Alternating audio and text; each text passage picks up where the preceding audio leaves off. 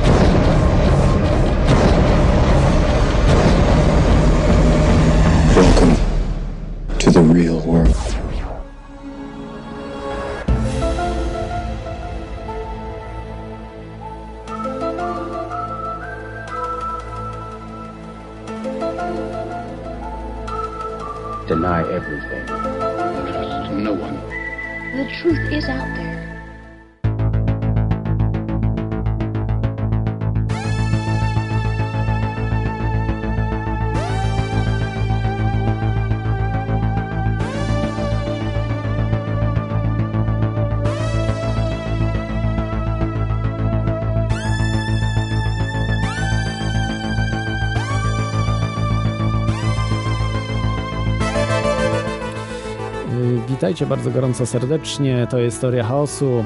E, W każdy piątek po północy e, program, audycja właściwie o spiskach i rzeczach niewyjaśnionych. E, Dzisiaj jest temat no, wyjątkowy, także jak zawsze mówiłem, zaczynamy zawsze mocnym uderzeniem. E, I dzisiaj takie właśnie mocne uderzenie mamy. Dzisiaj my porozmawiamy o reptilianach, tak, o gado ludziach, ale co do, dokładnie o czym będziemy rozmawiali, to za chwilę. E, Na razie chciałbym jeszcze powiedzieć taką, opowiedzieć Wam taką historię. E, wziętą co prawda z zasłyszenia od Jana Udohaleja, pisarza niemieckiego, takiego właśnie zajmującego się teoretyka spisków, można by powiedzieć. E, Była to historia prawnika czy doradcy e, bogatego inwestora, e, która została opowiedziana przez jego żonę właśnie panu Jana Udohalejowi. On ma pseudonim Jan van Helsing. Jak się spotkacie właśnie z takim autorem Jan van Helsing, to jest właśnie ta osoba. Mianowicie zobaczył on kiedyś u swojego y, pracodawcy czy zleceniodawcy y, dziwne krzesła. E, Pani domu, gosposia powiedziała, że to są właśnie krzesła dla specjalnych gości, dla gado ludzi właśnie, no, reptilian. E, Potem ten człowiek zrezygnował z tej pracy, w ogóle wyciszył się, y, odszedł trochę z życia, wpadł w lekką paranoję, bym rzekł. E, No, żeby tak dalej nie przedłużać, jakiego mamy dzisiaj gościa? Jest nim e, Krzysztof Rogala, e, Redmuluk, przepraszam, jest w- w- w- twórcą takiego znanego portalu davidike.pl. Polecam bardzo, jest to chyba najlepszy portal, jeśli chodzi o teorie spiskowe i rzeczy niewyjaśnione e, w Polsce.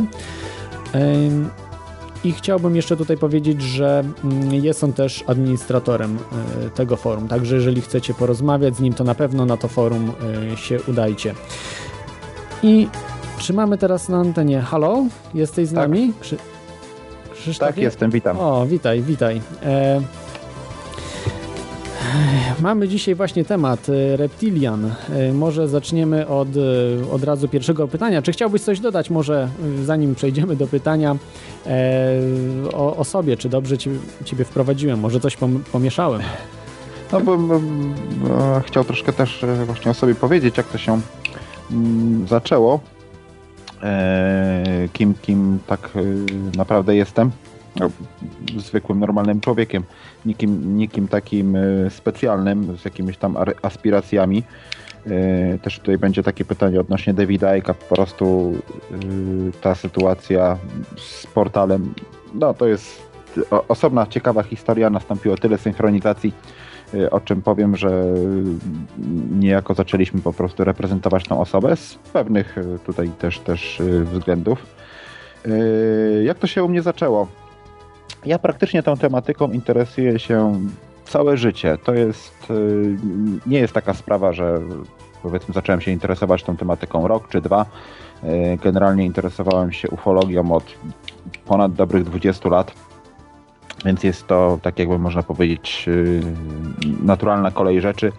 Yy, Powiedzmy, kolejny zasób informacji, który musiałem yy, tutaj przewertować, aby tą tematykę pchnąć do przodu, ponieważ no, sprawy się tak bardzo skomplikowały, tutaj w moich poszukiwaniach, no kilka artykułów, które powiedzmy przeczytałem w międzyczasie dotyczące akurat węży i dźwięków naprowadziły mnie tutaj na, na Davida Icka, no potem powiem y, też, też y, jak to się stało.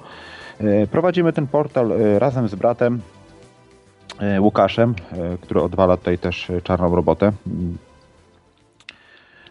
Tłumaczymy, przetłumaczyliśmy masę, masę już tutaj materiałów czy, czy innych filmów na ten temat. Pracujemy aktualnie nad książką Davida Icka nad tłumaczeniem największego sekretu. Jest praktycznie na ukończeniu to tłumaczenie. Potem mam też inne plany odnośnie opisania tej powiedzmy swojej tutaj wiedzy we własnej książce, którą, którą też mam w planach napisać. Kulisy okultyzmu elit. No, plan jest potężny, ponieważ opisanie tej całej wiedzy, którą, którą zgromadziłem na przestrzeni tych wszystkich lat w tej, w tej wielkiej historii, no, wymaga powiedzmy, jak to się mówi, zamknięcia w jakąś. Jestem w stanie już to zamknąć w pewną całość. Y, ostatnio teraz y, miałem y, seminarium w Tucznie u Janusza Zagórskiego, Mhm, przepraszam, tak to wakacje wakac... UFO, tak? Wakacje z UFO. Tak, tak, wakacje UFO, tak, tak. Mhm. E, fantastyczna impreza, wiele rzeczy tam się niesamowitych wydarzyło, osobna historia w ogóle o tym powinna być. E, tam e, mam, też umieszczę o tym na forum, e, będzie nagrane całe moje seminarium, bo wiadomo, że, że nie powtórzę tego tutaj e, wszystkiego. Będzie tam drobna płytka, którą będzie można kupić tam za jakieś tam grosze. E, którą Janusz tutaj e, opracował i będzie to, to zmontowane. No tam zajęło mi praktycznie opowiedzenie o tych, e, jak to nazywaliście, gadoludziach 15 godzin, więc jest to takie praktycznie 3 dni wykładów po 5 godzin dosyć takiego intensywnego tempa zajęło praktycznie takie opisanie ogólne tematu, także możecie sobie wyobrazić ile to jest wiedzy, także w ciągu tej, tej audycji na pewno Y, nie y, ujmiemy wszystko, wszystkiego. Mhm. Yy, tak, domyślam się, że nie ujmiemy. To jest bardzo szeroki temat, zahaczający zarówno właśnie o te satanistyczne praktyki, o elity, prawda, i, i mhm. kosmitów, także, także no tutaj w dwie godziny możemy tylko tak jakby zupełne podstawy jakby dotknąć ich. I tu tak. mam takie od razu może pierwsze pytanie.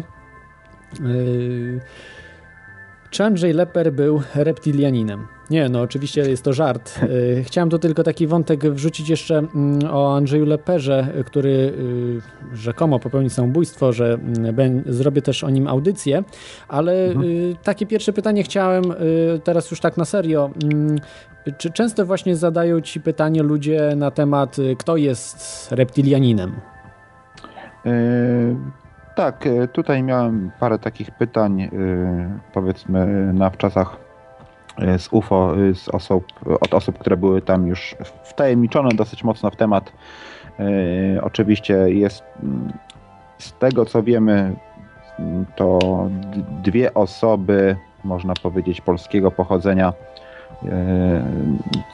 są na pewno nie powiedzmy reptylianami, bo jest to złe określenie, tylko bardziej hybrydami, y, no byłbym w stanie wymienić przynajmniej dwa nazwiska, ale na razie ich nie wymienię. Mhm. Rozumiem, że wymienisz je w swojej książce. Y, znaczy myślę, że są to pewne informacje. No, jedną osobą, mhm. którą doskonale znamy, y, która, która przyczyniła się do wielu bardzo, bardzo złych rzeczy jest oczywiście Zbigniew Brzeziński, który jest mocno powiedzmy wciągnięty w ten nurt okultystyczny. Nie jest tyle jak jak to się mówi, e, reptylianinem, co hybrydą, co jest ogromną różnicą, co oczywiście potem, potem wyjaśnię. E, druga osoba, e, która jest powiedzmy hybrydą, jeszcze by się znalazła chyba trzecia, jest oczywiście jedna z osób, która należy do grupy Bilderberg, tutaj z Polski. No i jedna osoba, która najprawdopodobniej ma w swoim, y, y, w swoim rodowodzie linię krwi Romanowów, co też ma z tym ścisły związek, także tak to mniej więcej wygląda. Co do reszty, to są y, nie wnikałem powiedzmy w tego typu informacje. U nas nie ma takich nurtów okultystycznych, aby powiedzmy w naszym kraju tego typu osoby musiały być na jakichś tam znaczących stanowiskach. No my jako tutaj mówiąc o swoim kraju jako Polska jesteśmy wystarczająco kontrolowani i bez tego typu nadzorców, tak można określić. Mhm. Czyli, czyli Polska jak zwykle jest za ściankiem świata, że tutaj mało się po prostu dzieje, bo z tego co czytałem na stronach Davida Icka, on nawet tam y, y, mówił o Chris Christopherson, czyli ten piosenkarz country, prawda, i y, wielu królowa na przykład brytyjska, że też jest właśnie tą hybrydą. Tak, ja, jak wiesz, potem ja to wyjaśnię w szczegółach, jak to się odbywa i jak należy do tego tematu podchodzić, mhm. tak, że przejdźmy może powiedzmy do, do jakichś pytań. Dobrze, Możesz zatem... zadawać po kolei, jeśli Zatem tak, tak, tak. Zaczniemy od początku. Jak to tak. się właśnie za, zaczęło e, według, według Twojej wiedzy? Czyli e, od jak dawna mamy właśnie informacje na, na temat e, reptilian czy gadzich bogów? Nie wiem, czy to można powiązać sobie, ale na przykład wąż w Biblii, prawda, jest określany mianem złego, tego, który właśnie szatana chyba. Tak. To jest temat niesamowity. Powiem, powiem szczerze, że materiały, jakimi aktualnie dysponuję, są po prostu no, niewiarygodne. Opieramy się na najwyższej, powiedzmy, na naukowcach z najwyższej półki, na materiałach y, doktora Majka, y, Majka Heisera, y, który jest, można powiedzieć, chyba najlepszym badaczem i, i, naukowcem, jeśli chodzi o języki starożytne, jaki istnieje na świecie. No, zna przynajmniej 16 języków starożytnych, potrafi rozpracować do 20 manipulacji na słowie y, w każdym języku starożytnym, więc jest naprawdę osobą, która biblistą, nie tylko zresztą, ponieważ należy do jednych z y, czołowych i najlepszych ufologów na świecie, E, także materiały, które mam na temat Biblii, e, które pochodzą od tłumaczenia jego materiałów, zresztą jako jedynie w Polsce tłumaczyliśmy materiały doktora Majka Heisera, za nam oczywiście tutaj e, podziękował, bo, bo mieliśmy okazję z nim tutaj pokorespondować. Mówiąc od jak dawna, odpowiadając na pytanie od jak dawna mamy informacje na temat gadzich bogów. Jest taki fajny cytat. Może ja go tutaj przytoczę od jak dawna, który mniej więcej nakreśli e, powiedzmy na, naszą e, sytuację. Wszyscy znamy e, księgi Charlesa Forta 1941 roku. On napisał kiedyś coś takiego. Myślę, że jesteśmy własnością. Właściwie powinienem powiedzieć, że należymy do czegoś, że w zamierzchłych czasach nasza planeta była ziemią niczyją, że eksploatowały ją i kolonizowały inne światy, walcząc ze sobą o objęcie jej w posiadanie, a teraz jest czyjąś własnością to coś posiada tę planetę na własność, pozostali zaś mają trzymać się od niej z daleka. Przypuszczam, że mimo wszystko jesteśmy użyteczni, że pomiędzy walczącymi stronami doszło do porozumienia i że obecnie coś ma do nas legalne prawo, które nabyło na drodze przemocy, bądź płacąc za nas naszym poprzednim, bardziej prymitywnym właścicielom czymś analogicznym do szklanych paciorków. Że wszystko to jest wiadome od wieków pewnym grupom ludzi żyjącym pośród nas w postaci sekt lub zakonów, których członkowie pełnią rolę przewodników stada w odniesieniu do pozostałej części ludzkiej populacji, albo też ważniejszych niewolników lub nadzorców kierujących nami skotnie otrzymywanymi skądś instrukcjami, za którymi kryje się nasza tajemnicza użyteczność. Najpierw ustalmy, czy jesteśmy czyjąś własnością, a potem z jakiego powodu. To pytanie zadał Charles Ford w 1941 roku, analizując powiedzmy wszystkie, wszystkie tajemnicze rzeczy na długo, długo tutaj przed wieloma autorami, których już znamy. W sumie uznaję go, go można powiedzieć, za, za, takiego pioniera. On chyba był pionierem też we wszystkim, prawda? W jakichś taj, tak. tajemniczych rzeczach. Y, tak. Atlantydzie i tak dalej. Tam... Zgadza się, zgadza. Niesamowicie otwarty umysł których właśnie, y, które właśnie są potrzebne, aby badać takie sprawy.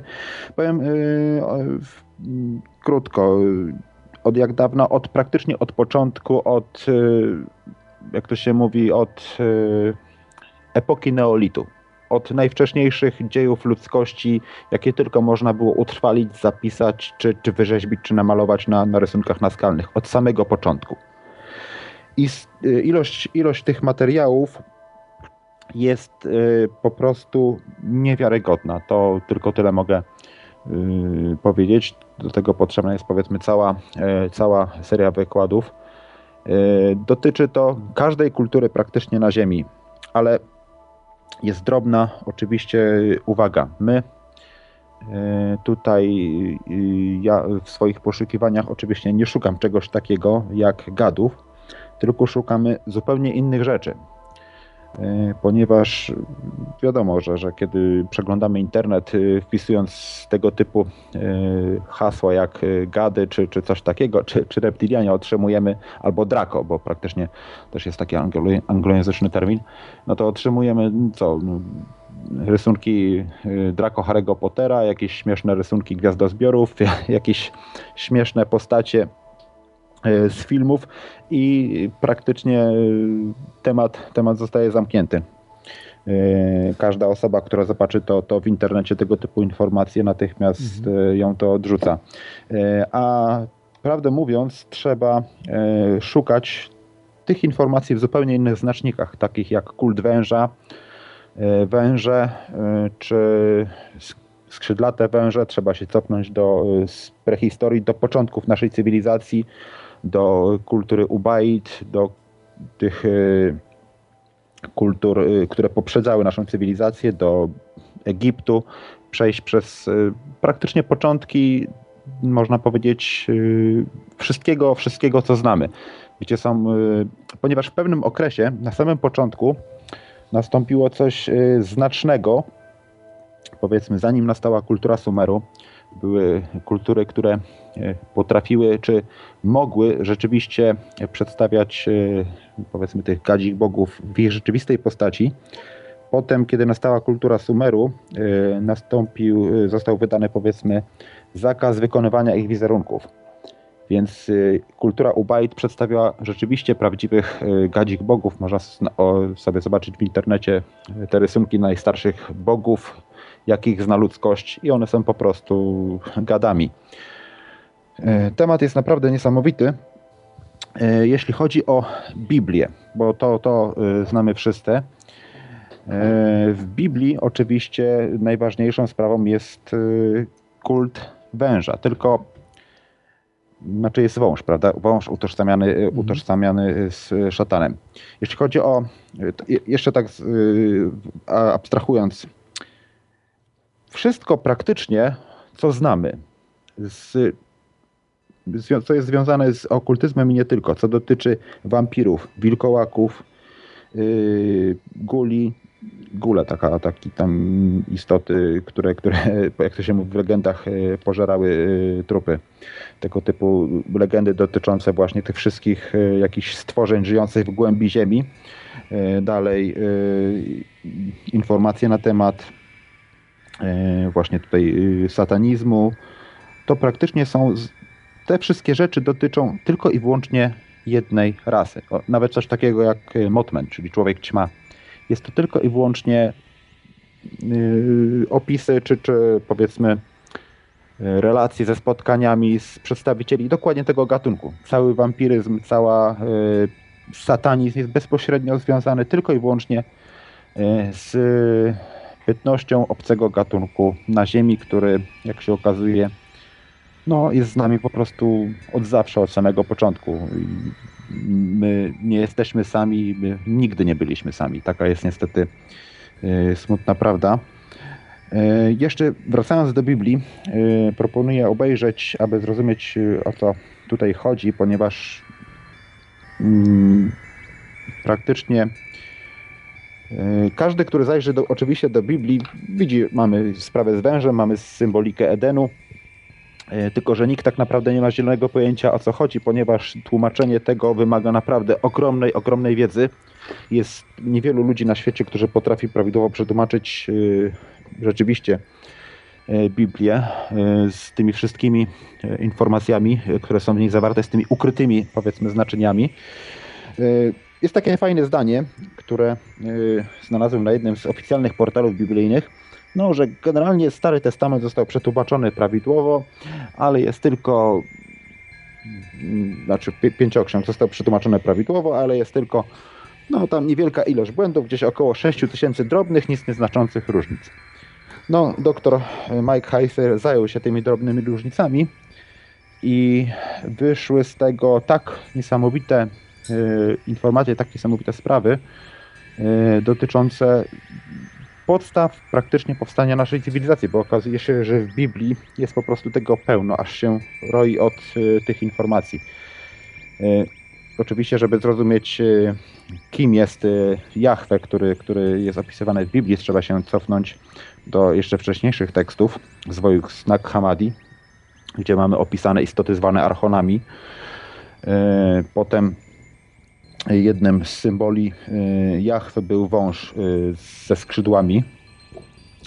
Y, Dalej, według badań doktora Mike'a Heisera, tłumacz, prawidłowe tłumaczenie wszystkich istot. Przepraszam, cię, przepraszam ciebie, z- za, zastopujmy tutaj, bo Halo? mamy słuchacza. Za, za Tak? chwilkę do tego wrócimy, ja pamiętam, w którym miejscu skończyłem, przepraszam ci. Halo, słuchaczu. Sz- Szok, Szokadin, Dobry. Witaj. Ha, masz pytanie? Halo, słuchaczu? Gdzie się dodzwoniłem? Aha. E, dobrze, przepraszam ciebie. No. E, to był chyba żart, niestety. E, Okej. tak bywa. E, skończyłeś na tym, o, mówiąc o Jachwę i o. e, Tak. tak, o. o, E, Okej. E, Dok, według e, doktora Mike'a Heis- Heisera, którego badania uważam za e, najlepsze, znaczy to jest osoba, która musi udokumentować każde swoje słowo przed e, wystąpieniami publicznymi, więc wszystko to, co mówi Heiser jest udowodnione pod względem językowym, pod względem powiedzmy prawdziwości tych tłumaczeń. E, Według niego wszystkie te istoty, które wtedy przybyły, które są opisywane w Biblii, cherubini, serafini, Jahwe, później, znacznie później, to, co zostało przetłumaczone via- po łacinie jako Lucyferę, czyli niosące światło, inaczej Lucyfer, należeli do e, zupełnie mm, do rodziny, którą e, nazywamy lśniącymi. E, Tłumaczenie w ogóle słowa hebrajskiego, słowa łacińskiego Lucyfera, czyli niosące światło jest złe, ponieważ to jest od zupełnie innego, innego pochodzi zupełnie innego słowa łacińskiego, które oznacza po prostu lśniący. Więc y, wychodzi na to, że Mojżesz nie rozmawiał na przykład z płonącym krzakiem, tylko z lśniącym. Więc mamy tutaj kolosalne, kolosalną różnicę w tłumaczeniach, podobnie jak i cherubini i serafini według y, badań y, doktora Mike'a Heisera.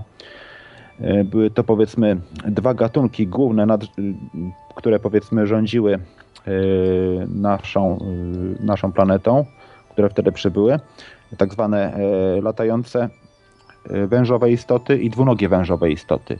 Y, Latające wężowe istoty naz- nazywane były cherubinami, a dwunogie wężowe istoty nazywane były serafinami. Doskonale wiemy, że jest to opis aniołów. Oczywiście ci aniołowie wcale nie byli dobrzy i przeważnie spotkania z nimi nie kończyły się źle. Y, Dalej mamy w Biblii ogromnej, ogromną ilość informacji. Mhm. Yy, Przepraszam ciebie, może Tak? to zostawimy, wiesz, na następne. Y, Ale widzę, że słuchacz uciekł. Przepraszam, że ci Aha. przerwałem. Y, Chciałbym tu jeszcze tylko słuchaczom powiedzieć, że możecie dzwonić y, pod numer 222 195 321. To jest numer warszawski lub skype kontestacja.com i możecie wchodzić na czata. Na stronie głównej jest tam link czata. Ja może tak, że- żeby może nie wchodzić tak w te wszystkie szczegóły, bo to może byśmy zostawili sobie na jakiś tam późniejszy Chciałem jeszcze zakończyć program. tylko tak, tak, temat tak, tak, proszę. Tego. Proszę zakończ, bo słuchacz uciekł po prostu i nie zdążymy Okej. go odebrać. E, Chciałem powiedzieć tylko, że e, prawidłowe tłumaczenie e, powiedzmy istot, które wtedy przybyły, zwane Nefilim, to pochodzi od powiedzmy tam innych słów typu Nachasz i tak dalej, oznacza czuwające wężowe istoty żyjące w głębi ziemi. I to jest e, prawidłowe tłumaczenie istot, które przybyły według e, doktora Mike'a Heisera. Także wiemy, E, Mamy w tym momencie potężny znacznik w Biblii. E, Polecam wkrótce wykład, który się ukaże. Można obejrzeć sobie jeden z wykładów Heisera, e, Zakwestionowanie Sythina, gdzie on to w niesamowitych szczegółach wyjaśnia. To tak e, a propos Biblii, także e, widzicie Państwo, że temat jest naprawdę fascynujący i wymagający naprawdę ogromnej, e, ogromnej wiedzy i, i bardzo powiedzmy profesjonalnego podejścia, aby odnaleźć no, wiele niesamowitych powiedzmy spraw tutaj ukrytych. No, jak to jest ukrywane, Wystarczy zobaczyć, jaki jest herb miasta Watykan, prawda? Aha. Dobrze, mamy słuchacza. Halo słuchaczu, jesteś na antenie. E, halo, no witam. Albert, tak? Jeśli... E, tak. Witaj, Albercie. E, to nawet się dobrze składa, że ja przerwałem to poprzednie e, połączenie, dlatego że powiedziałeś, że prosiłeś gościa, żebyś, e, żeby nie wchodził w szczegóły. Ja nalegam, żeby wchodził w szczegóły, bo to, co mówi, jest bardzo interesujące Mhm. E, i, i po prostu no, nie chciałbym pominąć żadnego szczegółu, dlatego nalegam, żeby wchodził w szczegóły. Natomiast e, o co chciałem zapytać? Chciałem zapytać o e, ten fragment, w którym mówił o pismach przedbiblijnych, e, czyli o czymś, o czym ja nie wiem. Sumer, Jeśli tak? mógłbyś gościu wytłumaczyć dokładnie o co chodzi i gdzie ja to mogę znaleźć ewentualnie, to będę bardzo wdzięczny. E, powiem e, tak, jeśli chodzi o, o te szczegóły, to to jest wymagana od, po prostu osobna audycja na temat prac doktora Mike'a Heisera, bo nie przeskoczymy tego tematu. Jak najbardziej jestem w stanie wejść w, w szczegóły e, dokładne, ale pominijmy to na razie i Tak, tak, ja- zostawimy sobie na inny, inny termin. Ja się tu przy, E, bo- przyczyniam, y, znaczy skłaniam do tego samego, bo mamy Tak. bardzo dużo tematów, żeby po prostu nie pominąć istotniejszych Tak. według mnie, bo historia, zrobimy osobny po prostu tylko i wyłącznie, prawda, o tych biblijnych sumerach i tak, Tak. dalej, także, ale proszę. Jeśli chodzi o to, y, te szczegóły, o- materiały, y, do jakich pan y, powinien y, zajrzeć, to polecam. W tej chwili można powiedzieć najbardziej wiarygodną osobę, która zaszła najdalej, która jest potężnym wsparciem nie tylko powiedzmy teorii Davida Icke, ale też innych, jest właśnie dr Mike Heiser. Wszystko jest na jego stronie rozpracowane, wszystko jest darmowe. Dostaliśmy od niego materiał wideo, nad którymi pracujemy. Można jeden z wykładów obejrzeć.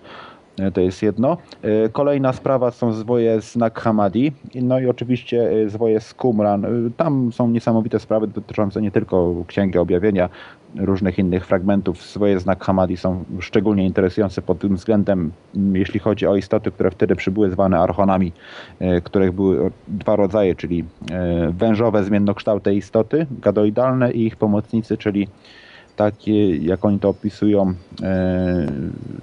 em, które wyglądały jak szare embriony ludzkie, niedorozwinięte, z dużymi, wielkimi głowami i wielkimi czarnymi oczami, które były ich sługami, czyli po prostu e, postacie szaraków, które są ich, jak można powiedzieć, e, Okej, ja, przedłużeniem. ja, rozumiem, ja rozumiem, Claude, że y, z y, gościem masz kontakt, więc ja bym cię Tak, prosił tak, tylko, tak, tak. jakbyś mi po audycji mógł podesłać na maile jakieś tam, y, nie wiem, linki do źródeł.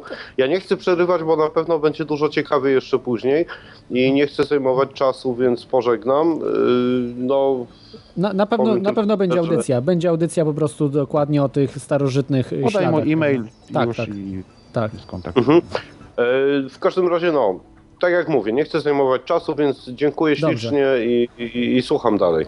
Dzięki Albercie. Dobrze. To mam pytanie pierwsze z głowy. Tak, myślę, myślę, że mam z głowy, bo y, po prostu y, powrócimy dzięki Tobie, dzięki Tobie Krzysztofie, jak właśnie y, zgodziły, zgodzisz się jeszcze wystąpić, może nie raz.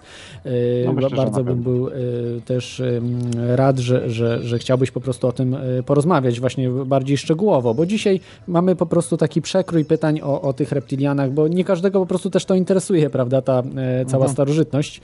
E, To kolejne pytanie, mm, takie może już e, do dzisiejszych czasów, ale też zahaczające właśnie może o Charlesa Forta.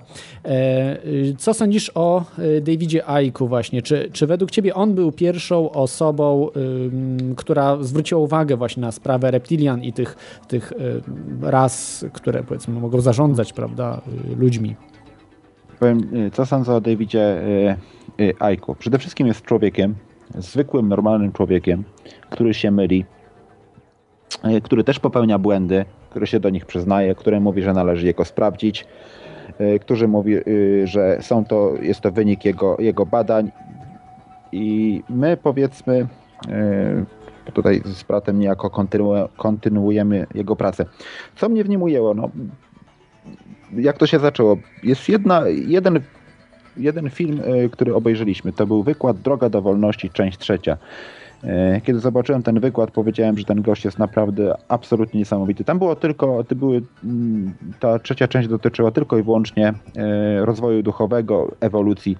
E, No, dla mnie możliwość zobaczenia sposobu, w jaki on to mówił, niesamowicie prostego.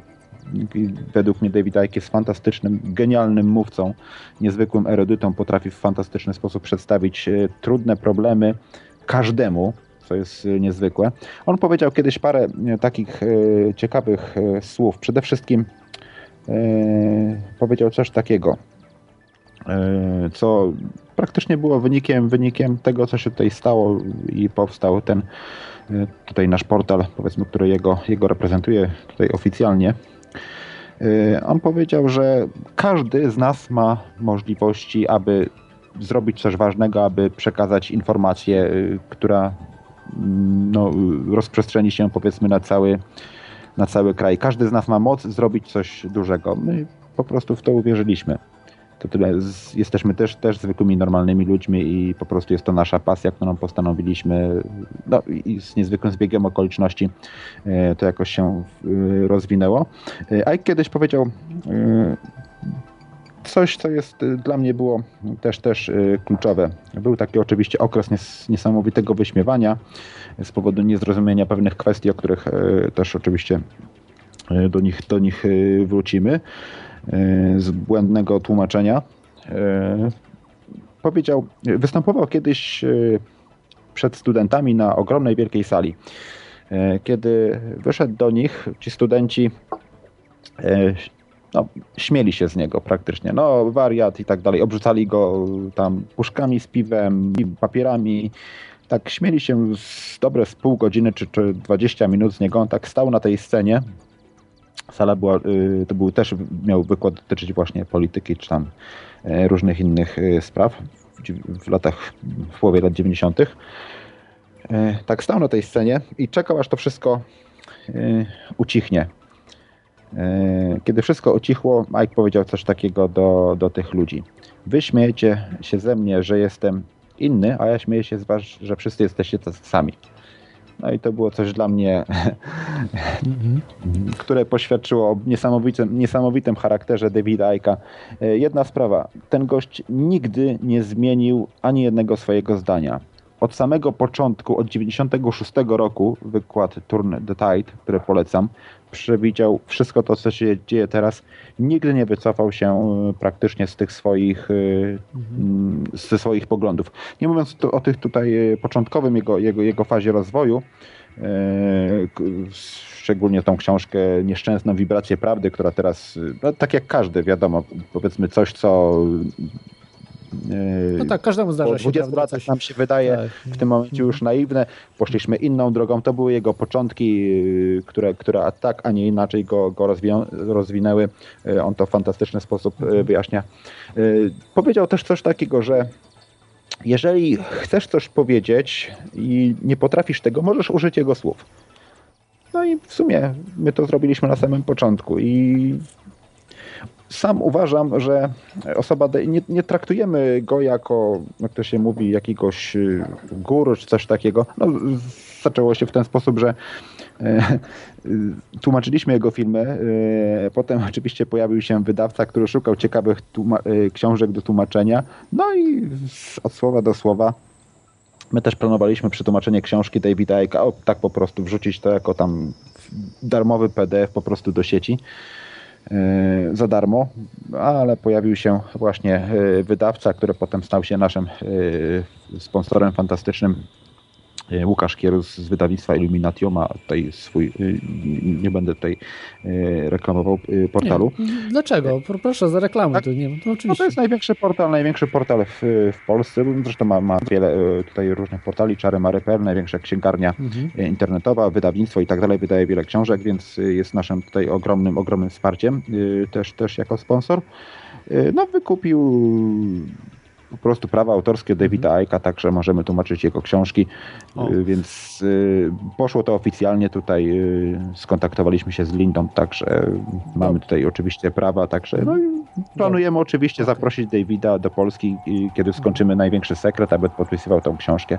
Tam z Januszem poczynimy, poczyniliśmy już pierwsze kroki, aby to zorganizować salę i tak dalej. Także jest to po prostu, no, jest to nazwisko, które w sumie przyciąga, prawda? Przyciąga specyficzny rodzaj, No, pewno, rodzaj ludzi. A to, że portal davidike.pl, to w sumie założył e, Łukasz, e, tak go nazwał, davidike.pl. No bardzo prosta, e, jasna nazwa, Mhm. bez żadnych tam kombinacji. Bardzo, bardzo w sumie przyciągające ludzi i to się sprawdza, bo przyciągamy, e, przyciągamy naprawdę ogromną, ogromną rzeszę, rzeszę ludzi. Dobrze. Mamy kolejnego słuchacza, jest z nami Cokeman. Witaj Cookmanie. Dobry wieczór. Ja muszę cicho gadać, bo tutaj ludzie śpią. Ale słuchać mnie dobrze? Tak, tak, dobrze, bardzo dobrze. Y, tak. y, ja to wolę sobie to usystematyzować, bo tych informacji jest mnóstwo. To po pierwsza sprawa. Ci reptalianie to są kosmity, tak? To nie są y, potomki wy, y, dalsze ogniwa ewolucji po dinozaurach, bo to są jacyś kosmici, tak? I tak i nie. Mam to, to tutaj w punkcie piątym, yy, po kolei, yy, aby odpowiedzieć na to pytanie. Yy, Jest kilka, kilka kwestii. Część teorii mówi, że są rdzennymi, część z nich może być rdzennymi mieszkańcami Ziemi, którzy tu powiedzmy mieszkali jako ludzie, ale większość teorii mówi o tym, że tak rzeczywiście nie pochodzą z naszej planety, zostali tu niejako, hmm, jakby to, jak to można określić, po prostu pasożytują na ludzkości, idą tam, gdzie są zawsze ludzie, ponieważ ludzie są im po prostu niezbędni do przeżycia. Yy, Najprawdopodobniej yy, część z nich, ponieważ nie wszystkie rasy gadoidalne, która w ogóle rasa gadoidalna jest jedna z, no nie jedna, ale po prostu najstarszą rasą we wszechświecie. Yy, Można tak, tak określić ten, ten system yy, istnienia oparty na, na gadzie inteligencji jak mówi często Janusz, we wszechświecie toczy się ogromna wojna pomiędzy gadami i ssakami, najprościej rzecz uj- ujmując. E, Część tej y, rebelii, tak to można określić, bo jest to niewielka grupa, pochodziła z rejonów Oriona, między innymi, e, tych powiedzmy y, najgorszych. Zostali tutaj oczywiście na Ziemi. E, Część z tych istot, niewielka grupa, najprawdopodobniej parę tysięcy e, osobników, bardzo, bardzo groźnych, jeżeli przytoczę e, opis, jeśli chodzi o ich możliwości. E, Wiele ciekawych rzeczy mówi o nich Alex Collier, między innymi genezę pochodzenia e, tej rasy, że naj... Oczywiście to można traktować jako science fiction, bo nie mamy żadnych e, informacji na ten temat, że najprawdopod- najprawdopodobniej zostali wykopani z innego wszechświata do naszego. Stąd się wzięli tutaj w naszej, powiedzmy, rzeczywistości. Także y, pochodzenie jest ich y, nieokreślone. Jest wiele, wiele motywów mówiących, że generalnie ich nie powinno być nawet w naszym wszechświecie. Także Aha, myślałem, że to od dinozaurów jeszcze jakaś boczna linia ewolucji. Nie. Nie, nie. Nie mamy takich informacji. Generalnie informacje do, te, tego typu dotyczą tak zwanych, we- tak zwanego wewnę- wewnętrznej ziemi, wewnętrznego świata. Yy, Jest oczywiście taka teoria dinozauroida, yy, że z dinozauroida, z pewnego rodzaju y, dinozaura mogła się wytworzyć tego typu inteligencja, która żyła w głębi ziemi. Są też takie teorie i prawdę mówiąc, idąc tym tropem, nie znalazłem potwierdzenia, aby rzeczywiście tak było. Dobrze, teraz pytanie. W takim razie, co oni chcą od ludzi? Jak pasożytują? Co oni od nas biorą? Yy, On, tą teorię yy, rozpracował, jeśli chodzi w szczegółach, w najdrobniejszych szczegółach, jeśli chodzi na, o naukowy sposób, Dan Winter. Yy, Chodzi im o kilka spraw. Przede wszystkim o ludzi, konkretnie o, ponieważ jest wiele, jest temat naprawdę bardzo szeroki, o naszą krew. Yy, Stąd się wziął wampiryzm i inne, inne sprawy, ponieważ potrzebują składników naszej krwi, yy, powiedzmy też składników, hormonów z, z przysadki mózgowej i innych spraw, które po prostu, bez których nie mogą, nie mogą żyć. Oni utracili coś takiego, co się nazywa ogniem we krwi. Dawniej zastępowali tą substancję, ten powiedzmy system białym proszkiem złota, ale z- mówię, teoria jest, jest na to yy, ogromna. To jest jedna, jedna z przyczyn, yy, ponieważ yy, aby istnieć, po prostu aby żyć potrzebują naszej krwi, nie, mo, nie mogą jej niczym innym zastąpić, ponieważ To ja mam- ja mam- ja mam- upadło. Nie, że yy, mówiąc o tym, że DNA ich po prostu upadło. A inna sprawa, że jest też oczywiście rasa niematerialna, która potrzebuje energii, aby przetrwać. Yy, zamknięta jest w tak zwanej przestrzeni między wymiarami. Po prostu potrzebuje energii strachu, energii wibracji, aby po prostu przeżyć. To jest dla nich rodzaj zasilania. To są nie, nie, niech zbierają zużyte podpaski, natomiast jeżeli oni nas, y, nie wiem, jakby próbują nas wyssać, no to i są, na, to są naszymi wrogami, pobierają nasze zasoby witalne, to krwi, czy jeszcze czymś gorszym. Jak to są no, yy. przyjaźnie, to, to nie, nie słychać, że to było przyjazne. Czy, czy my możemy się przed nimi bronić w ogóle? Czy to jakaś wojna jest? Czy, czy co, co my możemy zrobić? Bo jak nie, to możemy sobie pogadać, prawda? Oni i tak nas wyssą, no. E, jest e, fajnie o tym mówi Phil Schneider, e, ponieważ ta wojna, można powiedzieć, toczy się od bardzo no, dawna pomiędzy różnymi czarnymi projektami, które próbują zaradzić temu problemowi. Czy my możemy walczyć? Jest na to oczywiście wiele sposobów. To się wiąże tutaj z dosyć mrocznym nurtem okultyzmu. E, podstawową sprawą, jaką e, możemy podjąć, to jest oczywiście podjęcie decyzji, aby nie zasilać ich strachem, negatywnymi emocjami, negatywnymi e, wydarzeniami, które tutaj następują na świecie, ponieważ na przykład zamach terrorystyczny, który na przykład jest nagłośniony w mediach, daje, jak to się mówi, ogromną pożywkę. Jest to cała struktura rzeczywistości, która odpowiada za ich, można powiedzieć, zasilanie, więc każda zmiana, którą zainicjujemy na lepsze, jest powiedzmy taką wojną przeciwko nim. Ale to nie jest tak, że yy, powiedzmy oni próbują yy, jak to się można, można określić. David Icke, polecam wykłady Davida Icke'a, Cutting Edge jest przetłumaczony na język polski, gdzie Icke wyjaśnia po prostu krok po kroku w swoim sześciogodzinnym wykładzie, jak to się odbywa, yy, aby zrozumieć ten problem, bo to, to nie jest tak, tak mhm. proste. Yy, no, co tu jeszcze można dodać w, w tej kwestii? E, może myślę, za, zastopujmy tutaj. Tak, tak, e, tak. Ale to, to ja chcę to podsumować, to tak, to ja, ja, żeby nie narazić się na gniew tych gadów, ja muszę być happy, nie mogę się bać, muszę być luźny, tak? W ogóle no stress, nie, są czarne projekty. Prze przepraszam, ja, ja, może tutaj powiem, bo y, też słuchacze nie wiedzą, są czarne projekty. Są y, projekty z tak zwanych nieistniejących budżetów, y, Black Projects i Black Operations, y, które mm, są finansowane też między innymi z narkotyków, z różnych pieniędzy, które giną gdzieś w budżetach, szczególnie dużych państw, y, G8 Mhm. I, i y, są po prostu, nie są kontrolowane przez żaden rząd, są kontrolowane przez różne agendy i oni, powiedzmy, no, zajmują się też y, wiedzą, powiedzmy, jeśli wiedzą o reptilianach, to zajmują się walką z nimi w jakiś tam tak. sposób, wykorzystując nowoczesne technologie, więc my tutaj naprawdę dużo nie możemy zrobić, jeśli chodzi o takich zwykłych zjadaczy chleba, bo to jest no tylko właśnie, tak jak, tak jak mówi Krzysztofie, żeby tych emocji, prawda, złych nie, nie rozsiewać, prawda? Czy... E, to polega na tym, że powiedzmy cała struktura rzeczywistości jest tak skonstruowana, yy, ponieważ oni skonstruowali tą strukturę rzeczywistości, ten matrix, w którym żyjemy. Yy, wszystko, od polityki, ekonomii, wszystkiego, z czym się spotykamy, naszego zdrowia, trzymaniu nas w tym stanie ciągłego lęku, ciągłego stresu, yy, powoduje nas trzymanie, inaczej, kluczem do całej sytuacji, w jakiej się znaleźliśmy jest strach im mniej strachu w naszym życiu, tym bardziej stajemy się wolni. To jest takie, można powiedzieć, wielkie podsumowanie, bo o to chodzi, to... o strach. Im chodzi o strach. No to ja mam zajebisty pomysł na, na, na mniej strachu, zgodnie z moim nikiem. Ja, ja tak, mi, mi, mi to, mi życiem chyba nie grożą, znaczy śmiercią, nie grożą mi, nie? Cokeman. Od kokainy? Tak, Coca, nie, nie. nie Coca-Cola, słuchajcie. A, I to jest to. Coca-Cola, przepraszam. Coca-Cola pijemy, naprawdę trzeba się zrelaksować, i powinno być ok, no chyba nie, nie grożą nam śmiercią, mi się wydaje, nie? Czy grożą? No, yy, no... Mi osobiście, bo ja tam o was się nie martwię, a się o siebie martwię. Po prostu, czy, czy no... Jak nie, jak, jak nie, to, to, to, to piję dalej.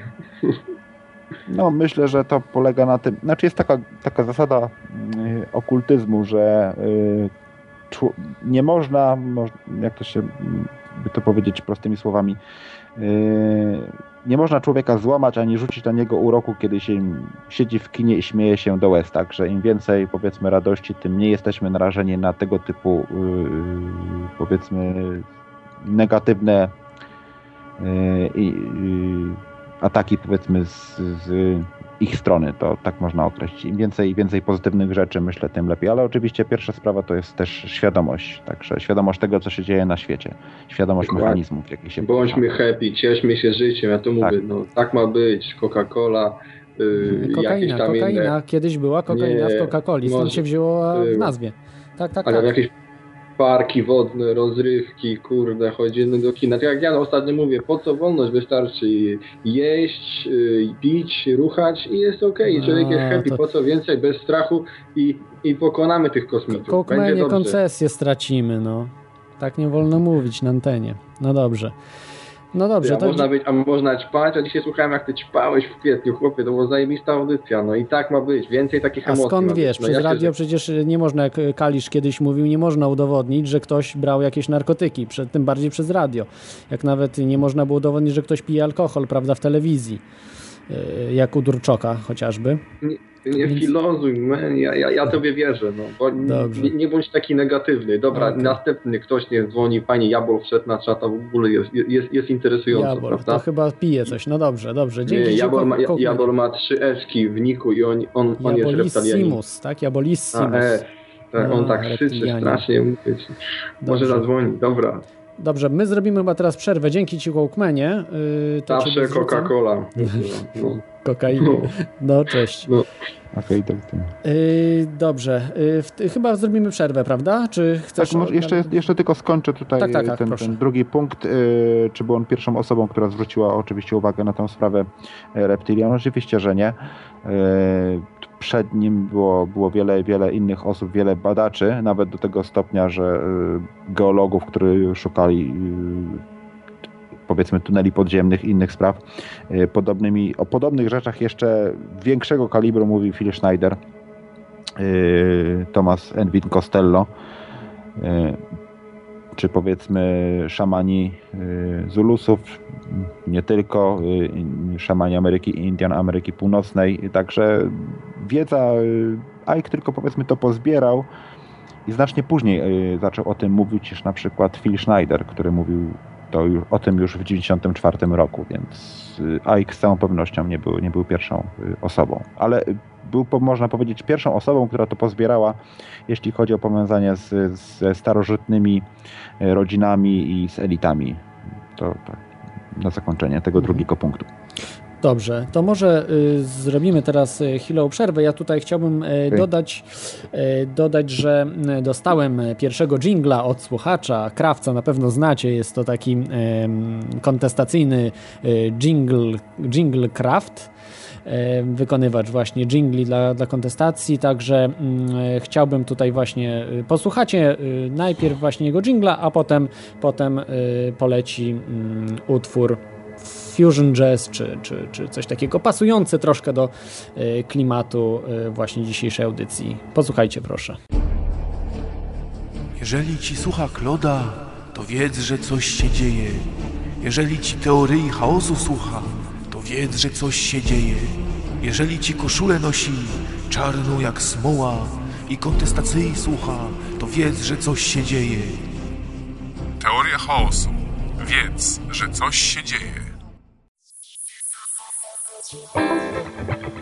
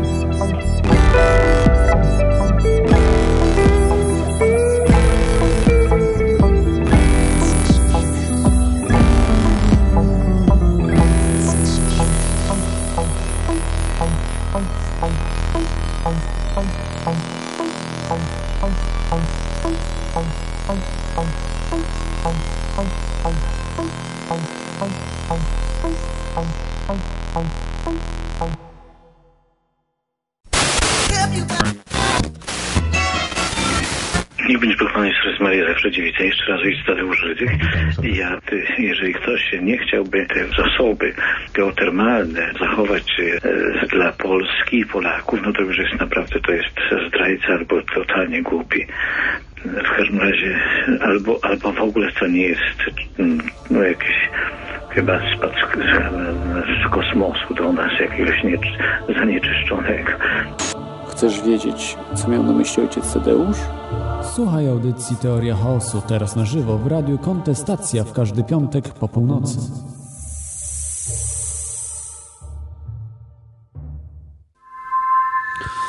Jesteśmy, e, jesteśmy z powrotem. Mm, e, Halo, halo, Krzysztofie, jesteś z nami? Tak, jestem. O, okej. Okay. Dobra. Troszkę ściszę jeszcze podkład, bo jest za głośno. I zaczynamy od kolejnego pytania, które jest, e, no można powiedzieć, takim e, pytaniem bardzo sprowadzającym na ziemię tą całą teorię reptilian i, i ogólnie e, tego całego tematu.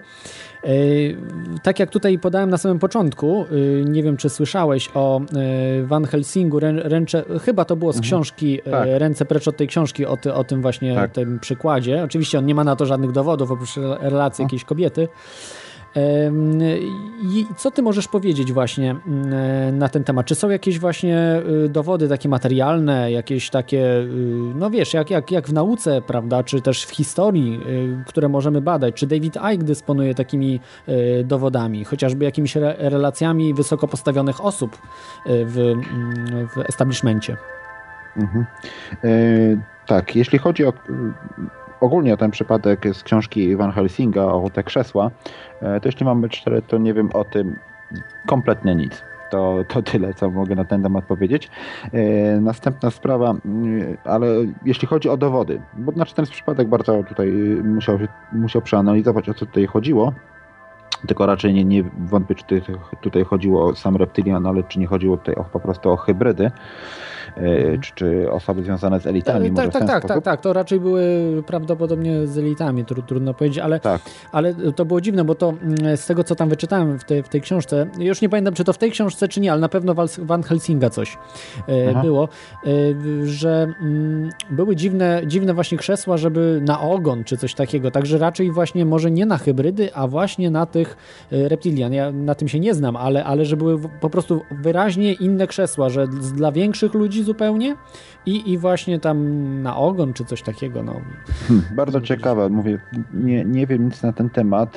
Generalnie jeśli chodzi hmm, tak czy inaczej z tym e, ogonem też to mogą oczywiście być, e, być hybrydy, ponieważ e, oryginalne istoty nigdy nie pokazują się można powiedzieć, na Ziemi, ponieważ y, mają od tego swoich sług. Oni uważają Ziemię zaskażoną także i, i istoty, które tutaj zamie y, powiedzmy zamieszkują, więc raczej gardzą nimi i nie mają zamiaru się kontaktować, czymś takim.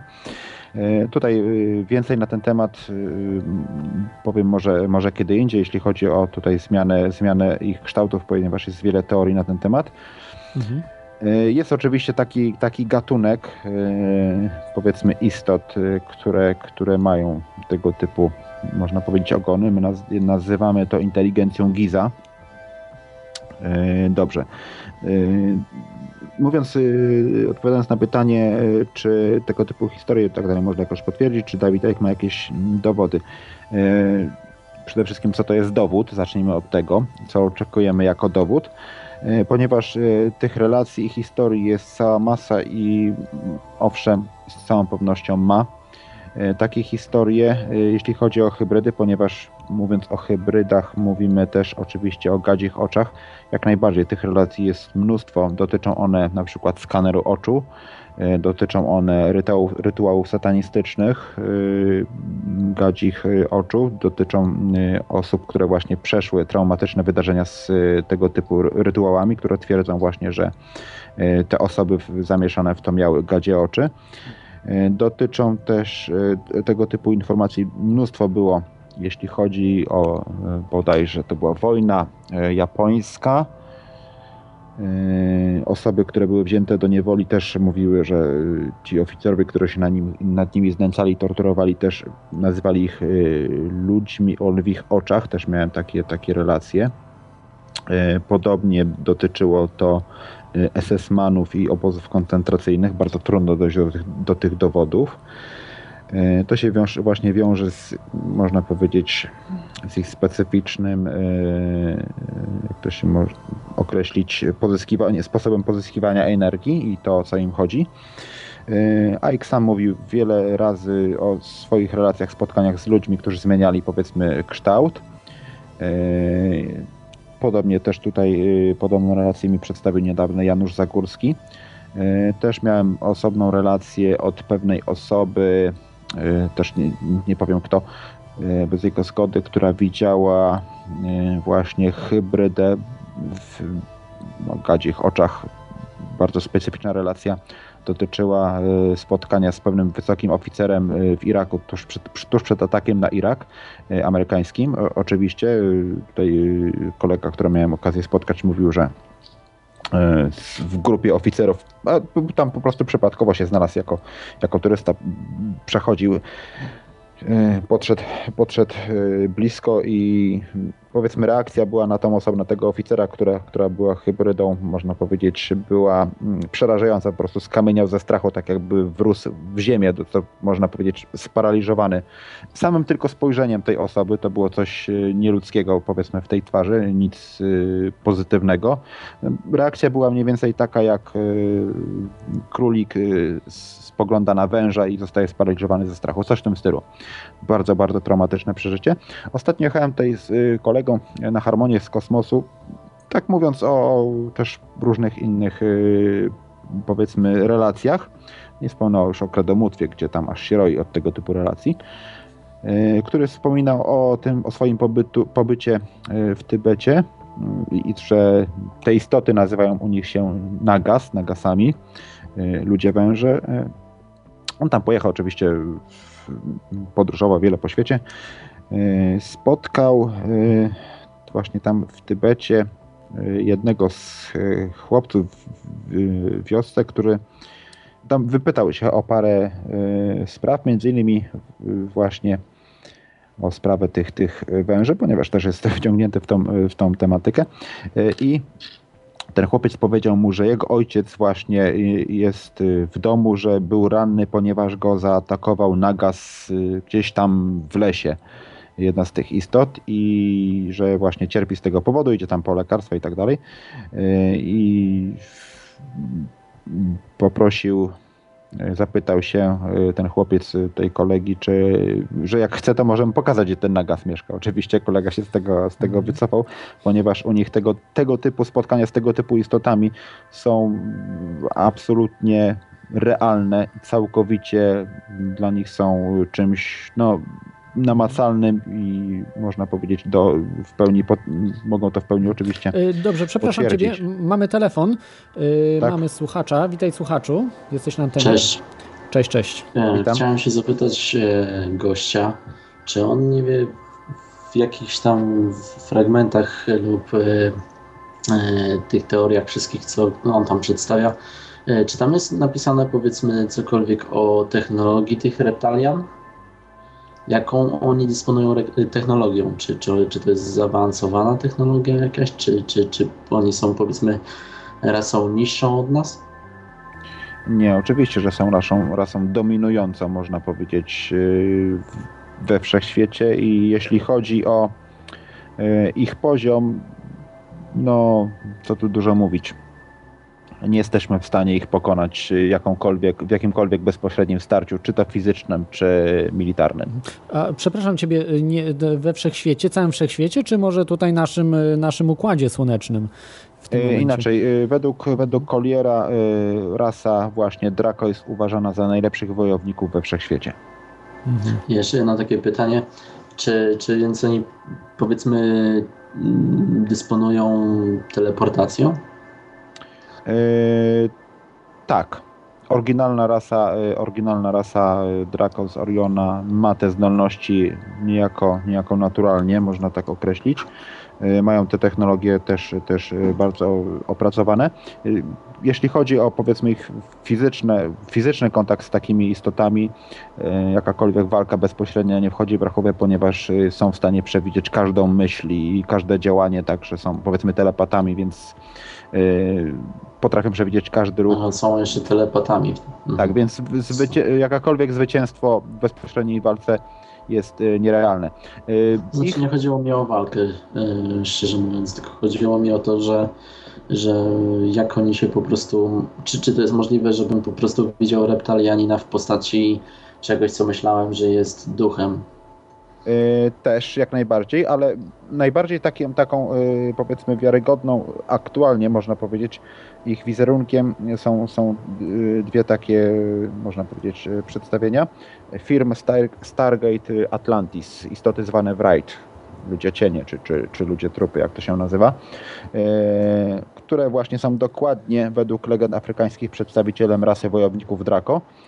E, I inna jeszcze, e, inny wizerunek, który potwierdził Kredomutwa, Darth Maul z, e, z filmu Gwiezdne Wojny. Tak wy- według legend afrykańskich wygląda ich król Samahongo. Także i mniej więcej mają takie możliwości i, i siłę. Nic mi to nie mówi, szczerze mówiąc. Te nazwy wszystkie. E, No to jest ten- po prostu już, ja się jest wiele tych wizerunków nie interesowałem, ale chciałem się dowiedzieć, może się doczytałeś w em, czy natrafiłeś się na, na coś takiego jak powiedzmy postać w, no, w połowie przezroczysta, którą widzimy powiedzmy od kolan e, w górę. E, to znaczy tak jakby ta postać chodziła no, 30 centymetrów pod powierzchnią podłogi Yy, i tylko, że była w innym wymiarze, coś w tym stylu i, i ten, no ubrana jak człowiek w garniturze, powiedzmy, tylko z jakąś kamizelką, przez, ten, znaczy odblaskową, taką, taką kufajką roboczą, powiedzmy.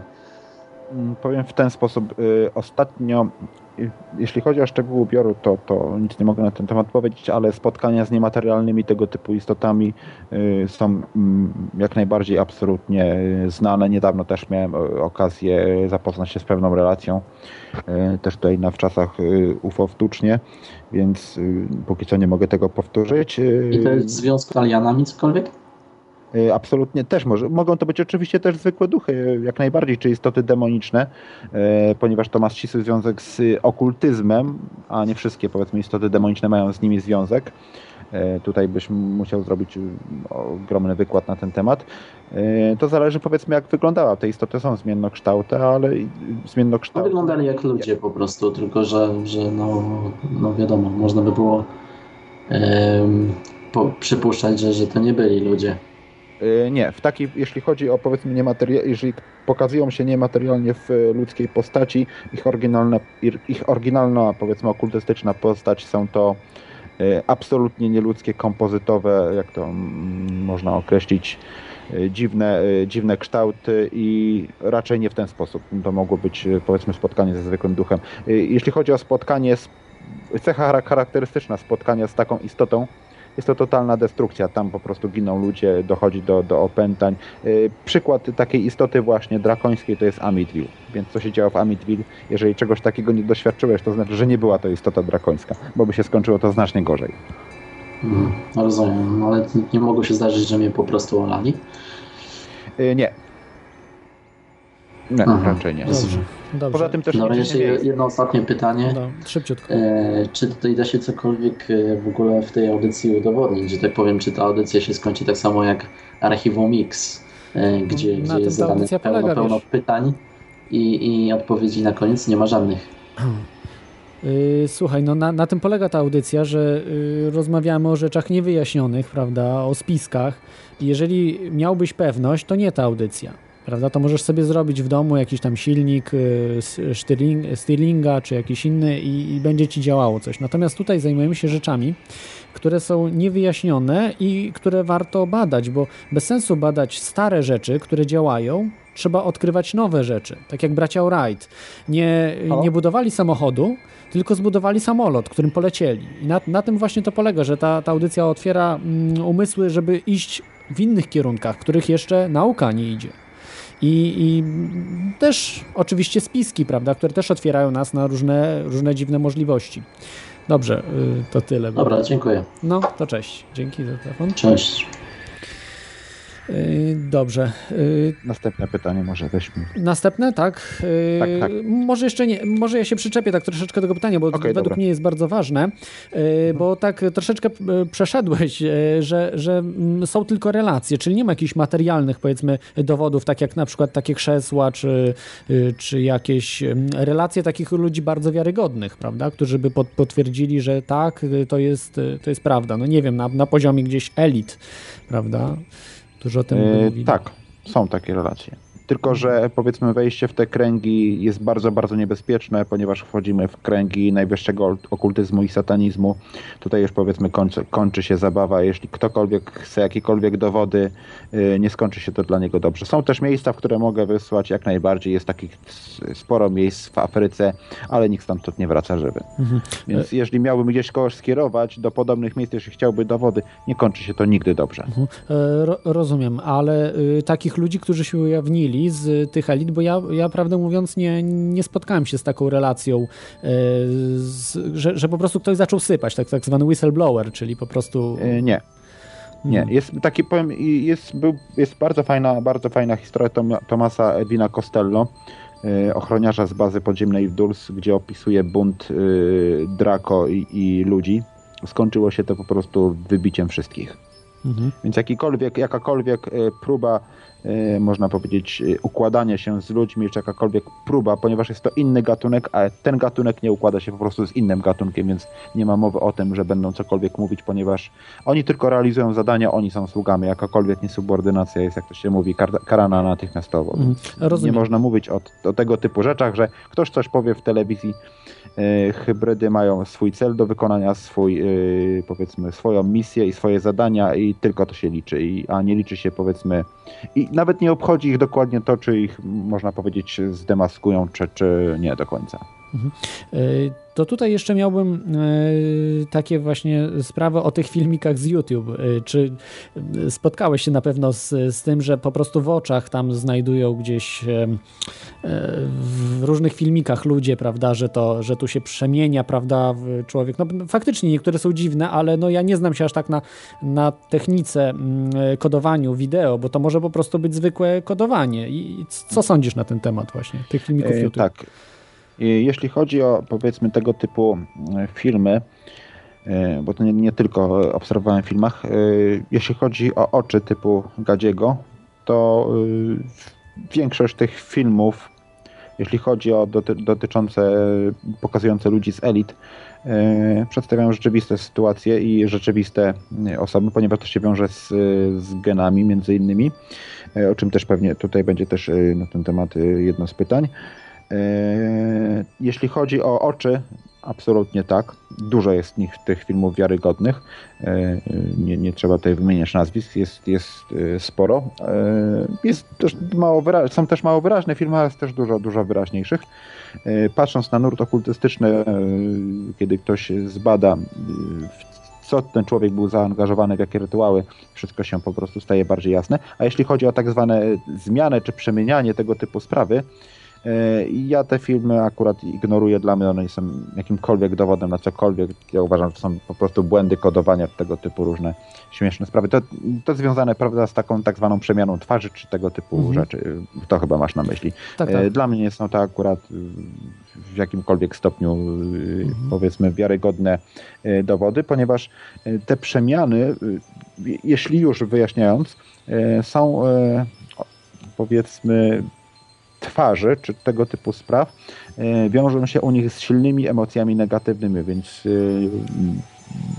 mogłoby to być, gdybyśmy obserwowali powiedzmy taką istotę chwili złości, czy, czy e, innych negatywnych emocji, czy, czy wzburzenia, ale tego typu rzeczy nie zostały, można powiedzieć, nagrane. Dla mnie jest to tylko przed, jeśli chodzi o tę tą właśnie przemianę sprawy e, związane raczej z błędami kodowania, czy tego typu sprawami, czy, czy, czy żartami. Akurat nie traktuję ich poważnie. A jeśli chodzi o oczy, to, to jak najbardziej, ponieważ sam obserwowałem wiele rzeczy w zwykłej telewizji na, na, w rozdzielczości HD w różnych osób i, i, i nie tylko, także tą akurat sprawę traktuję y, bardzo, bardzo serio. Mhm.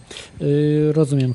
Y, tu jeszcze mam taką, taką kwestię ciekawości, e, bo z tego co pamiętam właśnie były takie mm, seriale. O serialach to jeszcze później powiem, nawiązujących mhm. do, do problemu reptilian. E, natomiast, że czy nie można na przykład yy, zabijając taką hybrydę, bo ona ma chyba też, prawda, czerwoną krew, czyli nie tak jak gdzieś na jakichś filmach, że zielona krew wytryśnie z niej i będzie nie, dowód. Jest, jest hybrydą, czy jest półczłowiekiem, więc jak mhm. najbardziej czerwoną. Czyli generalnie jak moglibyśmy się na przykład poznać, y, że, że to jest hybryda y, w taki prosty sposób? E, przede wszystkim e, my nie mamy dostępu do, można powiedzieć, zbyt często do takich ludzi, ale pierwsza rzecz, którą poznajemy, to jest zmiana wyrazu twarzy i oczu. Mhm. Pierwsza rzecz to jest właśnie zmiana kształtu y, źrenicy mm, oka, można tak określić.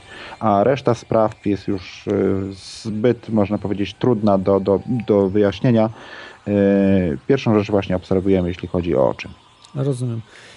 Yy, czyli zabicie nic nie da na antenie, prawda? Jak gdzieś w filmach strzelimy, to będzie wszystko tak jak. jak nie, to są absolutnie, jeśli chodzi o, o hybrydy, to, to są tak samo śmiertelni, jak po prostu śmiertelni są ludzie, bo są tylko hybrydami. Są powiedzmy mhm. zastępowalne, można powiedzieć. Yy, ponieważ yy, hybrydy są tylko pojazdami, można, jak to, to Ike mówi, przez które przejawiają się dzięki specyficznym rytuałom, opętaniom powiedzmy Y, one, te istoty demoniczne, powiedzmy gadzie, zarządzają niejako przez y, właśnie y, te hybrydy, można powiedzieć ludźmi. To, hybryda jest tylko wyłącznie nośnikiem, o tak to można określić, więc jej zabicie jest tylko wyłącznie po prostu wytworzą sobie nowy pojazd, to wszystko. Mhm. Dobrze. To Teraz mam tu takie dwie, dwa tematy, które są powiązane z tym tematem. Może pierwszy o tej takiej. słysza, słyszałem, że słyszałeś w Twoim jakimś jednym e, wywiadzie, e, że e, wie, znasz tą sprawę. To była kobieta z Francji o kocich oczach, właśnie. Czy ona tak. jest reptylianką? Już momencik, tutaj teraz nie jest ten temat. Momencik. Mhm. Tutaj mam e, fragment tutaj tej audycji. Przepraszam, tylko chwileczkę. O, tu już mam. Chcę to znaleźć, żeby się pować. E, tak, to był program wyemitowany przez francuską telewizję 21 listopada 2007 roku e, o dziewczynie o imieniu Jennifer, która ma tak zwane kocie oczy i o jej cierpieniu z tym związanym, że jest inna. Tytuł tego był Jak odnaleźć swoje miejsce w społeczeństwie, mając szczególny znak fizyczny. Nie, ona nie jest reptilianką. Ona jest zwykłą, normalną, całkowicie normalną dziewczyną. Yy, yy, uczącą się w szkole, cierpiącą właśnie z powodu yy, pewnej funkcji genetycznej, która nagle się u niej ujawniła. To jest to, o czym y, ja cały czas też, też mówię w swoich wykładach i to, czego szukamy. Y, Sprawa ma się z tym następująco. David Icke zresztą mówi sam, że y, posiadanie tego typu oczu, nawet jeśli tego typu y, znak się ujawni, wiąże się to z odpaleniem, z uruchomieniem pewnej puli genetycznej, która jest potrzebna istotom reptyliańskim, które po włączeniu tej puli genetycznej mogą zarządzać tym ciałem. To jest takie, można powiedzieć, opętanie dzięki uruchomieniu pewnej funkcji genetycznej, ponieważ wszyscy ludzie E, mniej więcej różnie w 5-10 planetach, procentach e, mamy w sobie po prostu gadzie geny. E, te gadzie geny uaktywniają się dzięki specyficznym rytuałom. Jak to działa, wyjaśnia teoria rozpracował to Bruce Lipton, polecam jego wykład Umysł ponad materią, gdzie w naukowy sposób wyjaśnia w jaki sposób pewne funkcje genetyczne można włączać i wyłączać u tej dziewczyny po prostu te geny się najzwyczajniej w świecie włączyły. Mogły się włączyć spontanicznie i to nic nie znaczy. Ona nawet nie jest hybrydą. Po prostu te geny yy, gadzie się u niej uaktywniły. To wszystko. Jeżeli by przeszła w tym momencie specyficzne rytuały okultystyczne, yy, na przykład czaszki i piszczele, czy, czy mhm. inne, inne tego typu rytuały satanistyczne, związane właśnie też z okultyzmem, z złamaniem wolnej woli, wtedy mogłaby zostać niejako pozyskana i przez obcą istotę, która by ją kontrolowała przez tak zwane trzy dolne czakry, wtedy już można powiedzieć byłaby pełną, y, pełną hybrydą. Nie, nie jest, nie jest, jest zwykłym, normalnym człowiekiem. Ike mówi, że zna sam wiele takich osób, które są po prostu normalnymi ludźmi, którzy mają takie oczy. E, Rozumiem. E, To tutaj mi się troszeczkę chyba wszystko wyjaśniło, że to jest tak jak chyba w filmie Avatar, tak? Że e, ci reptilianie, ta Dokładnie. hybrydyzacja taka na zasadzie właśnie czegoś takiego jak w filmie Avatar. Oczywiście troszeczkę Tak. pewnie inaczej to wszystko wygląda, ale, ale więcej, coś, mniej coś więcej to tak, tak tak, wygląda, w takim, no, w takim no. klimacie. Mhm. No cie- ciekawa, ciekawa sprawa to jest. Y, Czyli y, tak, tak samo ci ludzie, tak jak, jak y, mówiłeś, te hybrydy, jak, jak mm, Brzeziński, prawda, czy, czy inni, to oni tak samo właśnie mm, są tak jakby nośnikami dla, Tak. dla tych, są awa- awatarami, tak, dla, dla tych jakichś istot, które sterują nimi. Tak, ponieważ y, te właśnie y, gadoidalne istoty, y, bo mówię, jest, musiał przedstawić całą powiedzmy tutaj strukturę, to jest y, zbyt szeroki temat, powiedzmy energetyczne czy, czy niematerialne, pozyskują inaczej. Jest wiele programów, dotyczy, dlaczego elity przede wszystkim żenią się między sobą, wy, wyszukując powiedzmy tylko mm, jak to można powiedzieć, błękitne linie krwi, prawda? Tak jak ostatni ś- ślub y, Kate y, i tutaj y, Williama. księcia Williama, prawda? Tak, Y, No, wszyscy myślą, że Katie była zwykłą jakąś tam, y, nie pamiętam, bibliotekarką czy kimś, coś w tym sty- stylu, tak? Y, W każdym jakąś tam zwykłą, y, normalną dziewczyną, której się tam oczywiście zakochał. Y, Wiemy doskonale, że, że y, William jest, pochodzi oczywiście z rodziny Windsorów, która ma znacznie, znacznie starsze korzenie.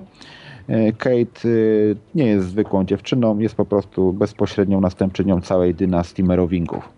Więc nie ma tutaj mowy o jakimkolwiek przypadkowości.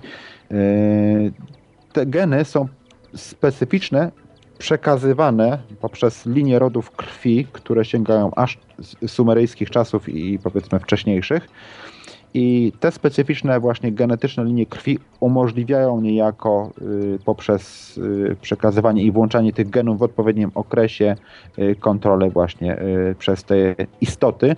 I ta kontrola jest znacznie, znacznie doskonalsza niż powiedzmy no, na niższych innych szczeblach, to jest mówię dosyć, dosyć tutaj skomplikowane wchodzenie właśnie tutaj w te sprawy związane z genami, które są nie, niezwykle istotne, bo geny dla nich są po prostu kluczowe, dla nich jest to obsesja. Tak to można określić. Yy, Rozumiem. No, to, jest, to jest bardzo ciekawa sprawa. To może teraz troszeczkę zmie- zmienię tutaj temat i powrócę do mm, znowu w kosmos. Wylecimy troszeczkę, yy, bo jak pewnie się orientujecie, też się orientujesz, Krzysztofie, że, że każda grupa ma strukturę, organizację, prawda? I Tak. ci reptilianie, bo to, to, są, to są istoty, które są, no nie wiem, w jakimś innym e, wszechświecie, prawda? W innych wymiarach gdzieś, no trudno powiedzieć, prawda? Niektórzy mówią, że tak jak mówię wcześniej, że mogą być gdzieś pod ziemią oni. Y, No wszystko jedno, gdzie tam oni by nie byli, y, no na pewno nie są tutaj na, na powierzchni, prawda? Więc, y, więc y, mm, po pierwsze, gdzie uważasz, gdzie oni mogą być, to jest y, najprawdopodobniejsze według Ciebie i jaką właśnie mają strukturę? Czy właśnie strukturę piramidalną z królem, czy równorzędną, a może jak owady? E, tak, już wyjaśniam. Ich struktura, e, struktura, e, którą wprowadzają tutaj w naszą rzeczywistość, dzięki której kontrolują, jest to co, to, co widzimy w każdym znaku w symbolice Illuminati. Piramida e, z okiem na szczycie. Jest to po prostu struktura piramidalna. U góry jest władza i im niżej, tym powiedzmy y, rozszerza się zakres kontroli. Są inne instytucje, które rządzą jeszcze innymi. Y, To się wiąże, powiedzmy, na samym końcu, na dole tej piramidy ludzie już y, są kontrolowani przez, coraz y, tutaj wyższe, wyższe struktury, także jedna struktura o, o tej, wyższa struktura o tej, znaczy nie, ni- niższa struktura nic nie wie o tej, co jest wyżej i tak dalej, i tak dalej. Także ta struktura jest odzwierciedlona w każdym systemie, jaki istnieje na Ziemi, ponieważ to jest ich struktura i to jest ich system rządu. Prawdziwa struktura, y, która powinna być na Ziemi, to powinien być, powinna być struktura holograficzna, kiedy e, i, i fraktalna, kiedy jeden człowiek jest odzwierciedleniem całej struktury w społeczeństwie, więc ma pełen dostęp do wszystkiego, a u nas jest odwrotnie. Wiedza ma, e, sz- mm, e, całą wiedzę posiada szczyt, powiedzmy tej piramidy, a cała reszta im niżej, tym tej, tej wiedzy posiada mniej. To się nazywa też taki proces, który obowiązuje we współczesnym świecie nauki wysysania wiedzy. To znaczy y, wiedza jest niejako powiedzmy wysysana y, z ogólnego obiegu. Im niżej, tym ludzie wiedzą mniej. Wiemy to doskonale, oczywiście możemy się przekonać na każdym kroku. To jest właśnie ich, y, ich struktura. Y, Teraz jeszcze tak patrząc, mówiąc o y, samej powiedzmy strukturze tych istot, jest ich wiele gatunków. Y, Mniej więcej to się przedstawia tak. Ja to mówię o tym na wykładach o tak zwanych y, sześciu, s- sześciu poziomach manipulacji według Colliera HIS-28. Y, Ja mówię tutaj o, o, o sześciu. Y, Pierwszym poziomem manipulacji. Wyjaśnię wtedy, wtedy mniej więcej wszystko, wszystko y, będzie jasne o co chodzi. E, Pierwszy poziom manipulacji, no to są właśnie te wszystkie mm, sprawy, które widzimy na co dzień, e, czyli po prostu iluminaci, e, rządy wszystkich e, krajów, e, telewizja, politycy i tak dalej. Wszystko to, co nas otacza, co kontroluje naszą rzeczywistość, to jest pierwszy poziom manipulacji. Doskonale też wiem, jak to fun- funkcjonuje. Włączając to oczywiście wszystkie systemy religijne.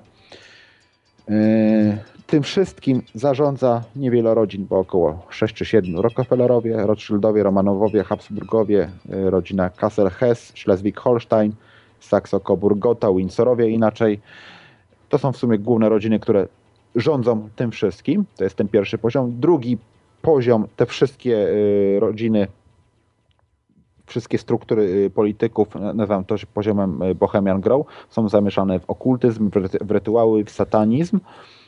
Yy, Następny poziom trzeci jest to poziom, jak to nazywam, Aiko też o tym mówi, poziom ludzi w cieniu. Okazuje się, że ci główni władcy nie są, czy, czy osoby rządzące nie są do końca ludźmi, są to tak zwane hybrydy. Właśnie tu na tym poziomie widzimy yy, na tych filmikach w YouTube yy, zmianę tych ludzi poprzez właśnie ich oczy, gdzie widzimy, że mają inne oczy i dzięki czemu rozpoznajemy, że są po prostu hybrydami, ponieważ są niejako pozyskani, kontrolowani przez inne moce. Czwarty poziom to jest właśnie poziom, tutaj się zaczyna poziom obce, czyli rasy Draco, jak to mówi, mówią w, w Afryce, Chitauri, Nagas, poziom obcych, które, które właśnie rządzą y, tymi hybrydami. Y, Z kolei i hybrydami, i obcymi rządzą istoty z piątego poziomu, właśnie demony, rasa międzywymiarowa, istoty zamknięte w przestrzeni międzywymiarowej, czyli te, które rządzą tymi hybrydami, które są niematerialne. E, No i oczywiście e, szósty poziom e, to jest kontroler tych wszystkich istot. To, to tak w skrócie mniej więcej się przedstawia. Mhm. Yy, Dobrze, Yy, no to, to się chyba wyjaśniło, prawda? Dlaczego też dzisiaj mamy taką typowo mm, Tak. piramidalną. To jest w ich symbolice wszędzie. Tak, że mamy i na świecie w tym momencie też niczym się nie różni nasza struktura y, od Egiptu, prawda? Jest to tak, dokładnie. generalnie kontynuowane wszystko i y, tak bym tylko tutaj dodał, że prawda, jak mówiłeś o wiedzy, y, to też bym dodał o świadomości, że to jest bardzo powiązane ze sobą, ale świadomość jest dużo bardziej istotna, bo y, bez wiedzy mm, można sobie jakoś tam radzić, prawda, ale bez świadomości no Tak. nie, nie wyjdziemy z niewolnictwa. Bo nawet jak będziesz Tak. miał olbrzymią wiedzę, to, to bez świadomości też nie, mm, nie pokonasz pewnych, pewnych jakichś tam e, stopni. I chyba też jest, że w dół, prawda? Ta świadomość tak samo idzie w dół, że jest coraz niższa, niższa, niższa, niższa. Tak, jeszcze, jeszcze wracając do właśnie samych Draco, u nich jest system kastowy i system bardzo hierarchiczny, są na tym punkcie niezwykle uczuleni i pod względem symboliki mają po prostu na tym punkcie obsesję, więc yy, tak, to, to jest, mo- można ich porównać praktycznie do, do yy, komputerów, do istot, które posługują się językiem symbolicznym, mają ściśle ukształtowaną hierarchię, której niezwykle pilnują. Mhm. Dobrze, to tak e, do drugim części jeszcze tutaj tego mojego pytania. Skąd właśnie reptylianie pochodzą? Y, I tak jak tu wymieniałeś, że to mogą być właśnie te mityczne Anunnaki pochodzące z księżyca Nibru. Mogą być, nie, nie mówię, że, że, że są. To już na początku trochę wyjaśniałeś, ale do, do którego ty byś się skupiał najbardziej właśnie? mm, Co uważasz, że jest najbardziej prawdopodobne? Y, Jeśli chodzi o samą, y, samą Nibiru, Nibiru to jest mit. y, dr Mike Heiser wyjaśniał szczegółowo, że coś takiego jak Nibiru nie istnieje. Jest to jedna z tutaj z manipulacji też osób, które należały do tych kręgów, czyli Zachary Sytchina, który stworzył ten mit. Sumerowie nigdy nie wiedzieli o Nibiru, nigdy nie znali Nibiru i nigdy nie, nie nazwali jakiejkolwiek planety Nibiru, ponieważ to jest słowo, które oznacza tylko i wyłącznie skrzyżowanie, a nie planetę. Jest to udowodnione. Yy, nie mają nic wspólnego z tym, co opisywał Sytchin, ponieważ to są, to są teorie Sytchina. Yy, I nie nazywa się też ich Anunnaki, ponieważ prawidłowe tłumaczenie słowa Anunnaki to są olbrzymi, Mhm. yy, a najbliższe określenie to jest Nephilim, upadli. Mhm. A, A to jest y, już zupełnie tak, inna tak. historia. Tak, tak. To ja słyszałem właśnie o, o, o Heizerze, słuchałem wykładu i sądzisz, że właśnie y, tak po przeanalizowaniu y, materiału, bo prawda, no nie jesteśmy w, tak uczeni, prawda, jak Heiser w, w, w tych, tych językach, prawda, starożytnych, żeby to wszystko prześledzić, kto ma tam rację do końca, że w tym po prostu jest to właśnie jakaś manipulacja. Y, Może nawet nie tyle Sithina, co na pewno jest, ale bo nie wiemy w jakim, czy on działał po prostu na zlecenie kogoś, czy po prostu może... Tak, miał biuro w Rockefeller Center. Aha, no to, to, to się trochę tak wyjaśnia. No. Wszystko bardziej. Jeszcze mocno. mówiąc skąd pochodzili, y, cała, ja opisuję to też y, tutaj w swoich wykładach szeroko, w szczegółach opisuję to też y, ściś, dokładnie kredomutwa i też mam powiązania tutaj z naukowymi i, teoriami i z innymi legendami. Ta manipulacja pojawiła się wtedy, kiedy pojawił się księżyc, który niejako został przeholowany do Ziemi, więc ma cała manipulacja ścisły związek z księżycem, Mhm. a nie z Nibiru. Okej. Ech, No szkoda, bo to była ciekawa, ciekawa hipoteza ta e, Nibiru, prawda, że, Hmm. że, że co jakiś czas się pojawia, aczkolwiek no faktycznie wydawało mi się, że ym, za daleko idąca, bo co, ja, co raz się pojawiają w internecie, prawda, że o, Tak. tu zaobserwowaliśmy tego Ni- Nibiru i tak dalej, i tak dalej, ale tak naprawdę no to nie pojawia się uwagi. nic. Mhm, Nie pojawia tak, się nic. dokładnie. A, a, co jeszcze tak od, odbiegając troszeczkę od tematu, co sądzisz o y, planecie X? Czy może by właśnie gdzieś istnieć w Układzie Słonecznym jakaś y, dodatkowa planeta, która gdzieś tam powiedzmy zbliża się co jakiś czas do, y, do Ziemi? Już abstrahując od Nibiru, prawda? Że, że niezależnie od Je- tego. Tak, jest, jest, jest parę takich teorii. Niektórzy astronomowie się mówią o jakichś tam y, anomaliach y, na granicy naszego układu. W każdym razie cokolwiek to jest z całą pewnością nie ma nic wspólnego z Nibiru, jeśli cokolwiek y, jest jakaś planeta czy, czy pozostałości. Same informacje różne na ten temat. Ciągle słyszymy, że coś ma się pojawić, nigdy nic się nie pojawia, więc y, póki co traktuję to po prostu jako zwykłą dezinformację. Nie mam jakichkolwiek wiarygodnych informacji, które by to potwierdzały, że rzeczywiście tak, tego typu ciało jest. Mamy, mamy takie ciało, które jest obok nas, widzimy je codziennie, jest to księżyc. Yy, I, I wiele rzeczy też się wiąże z Marsem, z niesamowitych historii, Yy, ale jest parę, o- parę ciekawych opracowań dotyczących właśnie anomalii na, na granicach Układu Słonecznego, które mówią, że coś tam rzeczywiście może, może jednak być. Nie? Mhm. Y, Dobrze, to jeszcze tak wrócę, taką y, parabolę zrobię i wrócę do tego, skąd reptilianie pochodzą według Ciebie, co jest najbardziej prawdopodobne? Yy, Powiem w ten sposób. Nie mamy, że naj, najprawdopodobniej yy, grupa, z którą mamy do czynienia, grupa tych negatywnych istot yy, Nephilim, yy, pochodzi z rejonów Oriona. Mhm. Czyli to jest gdzieś tak y, kilkadziesiąt lat świetlnych, tak? Od Ziemi. Znaczy, wiesz, sam, sam, samo pojęcie pochodzi z Oriona, Aha, no znaczy tak, tyle tak, co tak, nic, ponieważ Orion to jest różnych, tak. grupa gwiazd, które są w tak odleg wielkich odległościach od siebie, że ustalenie ok- określonego miejsca którą nie ma chodzi, sensu, ale ściśle to się wiąże z Egiptem, z piramidami, z, innym, z inną symboliką, która ma, ma niezwykły związek z Orionem, więc możemy powiedzieć, że, że y, ich punktem docelowym, mm, z którego pochodzą, był Orion. Mhm. I, jeszcze takie, taka troszeczkę mm, y, też odejście od głównego tematu. A co sądzisz o labiryncie? Czy, czy to jest, y, ta legenda ma jakiekolwiek potwierdzenie i czy tam faktycznie mogą być jakieś dane na temat tych, tych, a, a tych no nie Anunnaki, ale tych właśnie reptilian, gdzieś tam mogą być jakieś informacje w tym labiryncie? Y, Jeśli chodzi o sam, sam labirynt, no to, to on jest faktem historycznym. Y, Belgowie więcej na ten temat mogą powiedzieć, ponieważ y, bardzo ciekawe mapy zrobili i są znacznie bliżsi prawdy, y, jeśli chodzi o sam labirynt. Y, Jakie są tam informacje, jakie skarby? No, trudno, trudno określić. W każdym razie na miejscu jest też pewna inteligencja, która tego pilnuje, którą właśnie nazywam inteligencją Giza. E, czy mogą być tam jakiekolwiek informacje na ten temat? No, to jest wielka zagadka, więc nic nie jestem w stanie na ten temat powiedzieć. Nie? Mhm. E, teraz może o serialach trochę, trochę powiem tak troszeczkę luźniej. Mhm. Pewnie oglądałeś serial V albo po, tam, po tamtej stronie. Wiem, że bardzo na mnie tak. duże wrażenie po tamtej stronie. Mm, ta Super nowa wersja no. z lat 90. E, zrobiła, gdzie, gdzie było właśnie dużo rep, reptilian, e, mhm. takich, takich odcinków o reptilianach. To się jakoś tam mhm. one, może nie, nie wszystkie odcinki były powiązane, ale to bardzo, bardzo ciekawe to było. To gdzieś tak chyba po Aiku, prawda? Ten po tamtej stronie. Tak, tak, tak. E, za, za, zaczęli właśnie robić i chyba jeszcze jakieś były. W różnych serialach się pojawiają tam ten motyw reptiliański. Tak, różne. Tam, mhm. tak. I, I co sądzisz, który, w którym serialu najbardziej jest to jakoś tak zgodne z twoją wiedzą? W którym serialu jest to tak najlepiej przedstawiony problem, w ogóle ich wizerunek może.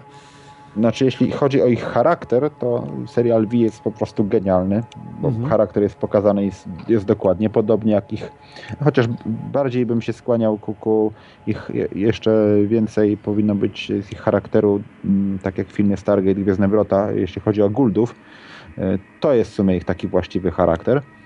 E, pra, prawidłowa, pra, prawdziwa psychika się ich mniej więcej w ten sposób przejawia. E, sposoby manipulacji, tak jak w serialu V. Jeśli chodzi o sposoby zmiany, to e, w sumie chyba w żadnym z tych seriali nie, nie jest pokazany ich, ich powiedzmy system maskowania, ponieważ e, tak jak już wyjaśniałem wcześniej, dotyczy to e, tworzenia hybryd, opanowania ich właśnie przez istoty e, demoniczne, powiedzmy międzywymiarowe. Y, a sama przemiana tych hybryd, które się niejako maskują, dotyczy bardziej naszego postrzegania rzeczywistości i naszego dekodowania hologramu. Bardziej jest to zmiana w sposobie widzenia hologramu. Tutaj Greg Braden więcej na ten temat powiedział. Y, więc żadna z tych metod w tym filmie, że są niejako powiedzmy używają biologicznych skafandrów, nie jest moim zdaniem, nie znalazła potwierdzenia można określić. Są bardzo fajnie przedstawione, rzeczywiście koncepcja sama jest niezwykła, ponieważ w świadomości zostaje wprowadzona pewna, pewna funkcja, która, która zaczyna tutaj yy, lepiej yy, przed, no, uświadamiamy sobie, że, że coś, taki, coś takiego może być w rzeczywistości, yy, ale żadna z tych form nie jest moim zdaniem właściwa. Mhm. Dobrze, to tak załatwiliśmy te seriale, seriale a mm, to teraz tak znowu ale wizerunki są właściwe. Wizerunki, wielu, bardzo tak? wielu serialach są właściwe, tak. Tylko mówię o sposób właśnie maskowania przemiany, bo o tym mówiliśmy, nie? Tak, tak, tak, tak, tak. Że, że, ta hybrydyzacja zupełnie inaczej wygląda, prawda? Tak, że bardziej tak, od, od tak. strony y, ducha, tak byśmy to określili, prawda? Tak. Od strony tej y, niematerialnej, a, a tam było od strony materialnej w tych wszystkich serialach generalnie. A jeśli chodzi o ich, jeśli chodzi o rzeczywiste materialne istoty, y, to zmiana kształtu też odbywa się na zupełnie innych zasadach i dotyczy właśnie funkcjonowania bardziej naszych mózgów niż tego, że oni się zmieniają, nie? Mhm. W ten sposób. Yy, tak, to teraz do takich troszeczkę może yy, rzeczy przejdę bardzo trudnych, prawda? Y, tak, mhm. tak, tak sobie zadaję pytanie. I też słuchacze zadają pytanie, czemu na przykład nie zniszczą y, cywilizacji ludzkiej, nie zaczną produkować tak jak w Matrixie, prawda? Ludzi do, tam, mhm. nie wiem, potrzebują, prawda, krwi czy jakichś innych rzeczy. Przecież mogą mhm. jakieś roboty mieć, prawda? No, no wydaje się, że, że powinni sobie jakoś zastąpić, prawda, ludzi, wyczyścić całą planetę, prawda, z robactwa w cudzysłowie mhm. cywilizacji ludzkiej i zatrudnić roboty czy jak, jakichś e, bardziej wydajnych pracowników niż ludzi. Tak, tylko że kluczem tutaj do wszystkiego jest to, że te e, hybrydy, powiedzmy istoty szare czy, czy szeraki, które wykonują ich rozkazy, wszystko dotyczy tylko i wyłącznie jednego. Jeśli ktoś widział film Potwory i Spółka, to tam w piękny sposób zostało, zostało została przedstawiona ta struktura, jak to ma funkcjonować. Energia strachu, która zasila byty z piątego poziomu manipulacji, czyli demonicz, demoniczne i tak zwanej rasy międzywymiarowej, które nie mają dostępu do energii i najniższą formą energii, jaka tam dociera, jest właśnie energia strachu. Y, ludzie muszą żyć, żeby być w stresie i się bać, aby ich po prostu zasilać, więc jakakolwiek forma eliminacji nie wchodzi w rachubę, ponieważ jest y, sensowna z ich punktu widzenia. One po prostu nas potrzebują, aby istnieć, aby ich zasilać. Potrzebują krwi, potrzebują żywych ludzi, ale potrzebują ich y, oczywiście jako niewolników, potrzebują ich w stresie, y, kiedy cała planeta i rzeczywistość jest więzieniem, więc nie ma co tworzyć. Praktycznie jest to tak zwane więzienie, więzienie bez krat, więzienie ludzkich umysłów. Matrix mamy w swoich głowach, a oni i tak y, po prostu wszystko kontrolują, więc nie muszą tutaj tu się ujawniać. To, to funkcjonuje na, tro, na troszkę, można powiedzieć, innych zasadach. Eliminacja ludzkości po prostu nie leży w ich interesie, ale aczkolwiek każda wojna zawsze jest potężnym generatorem strachu, więc za jakiś czas zawsze jest wojna i powoduje ekstra zasilanie. W tej chwili mają inny system, e, znacznie lepszy, znacznie bardziej wydajniejszy. Jak przykładowo było to podczas e, 11 września, który był, jak też mówi o tym Ike szeroko, e, wielkim rytuałem okultystycznym. E, Załóż, z, po, po, mm, mm, zaobserwujmy, co się stało. Mieliśmy praktycznie gigantyczną transmisję non-stop na całej Ziemi przez wszystkie stacje radiowe i telewizyjne na świecie. E, Przeszła przez całą Ziemię tak niesamowita fala strachu, to była dla nich, no, jak to się można, można określić, niesamowita uczta. Więc o tutaj chodzi. Media w tym wszystkim ogrywają główną rolę, więc praktycznie y, ekonomia, y, upadek dolara i inne, inne sprawy związane z y, naszym utrzymywaniem ciągle w stresie mają większe znaczenie dla nich y, taktyczne niż y, powiedzmy fizyczne, mm, jak to można powiedzieć, y, fizyczne ingerencje. Y, Ostatnio umieściliśmy bardzo y, mroczny materiał z Ba- Bacza Witkowskiego odnośnie okaleczeń i porwań ludzi. Y, Ilość ludzi, która ginie jest oczywiście zastraszająca, ale w tej ilości, która jest w tej chwili na Ziemi, jest to praktycznie niezauważalne, więc e, wszystko, co organizują, wszystko, co robią, jest dla nich całkowicie na, na rękę. Tylko e, jeszcze zamykając ten temat, e, w związku z tym, z tym, co się dzieje oczywiście na Ziemi, e, oni już e, od dawna nie rozszerzają zakresu swoich wpływów i kontroli, oni po prostu starają się utrzymać w tej chwili tylko to, co mają pod kontrolą. Ponieważ e, oczywiście tracą to ciągle dzięki temu globalnemu przebudzeniu ludzkości.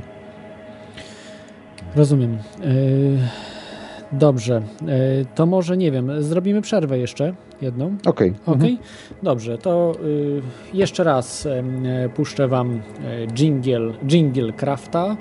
E, Jeszcze raz sobie posłuchacie go, a e, znowu utwór będzie oparty na jazzie. No nie wiem, jakoś mi się z reptylianami jazz kojarzy, nie wiem czemu, ale, ale, ale e, e, posłuchajcie właśnie e, jeszcze raz jingla Krawca. Jeżeli ci słucha Kloda, to wiedz, że coś się dzieje. Jeżeli ci teorii chaosu słucha, to wiedz, że coś się dzieje. Jeżeli ci koszulę nosi czarną jak smoła i kontestacyjnej słucha, to wiedz, że coś się dzieje. Teoria chaosu. Wiedz, że coś się dzieje.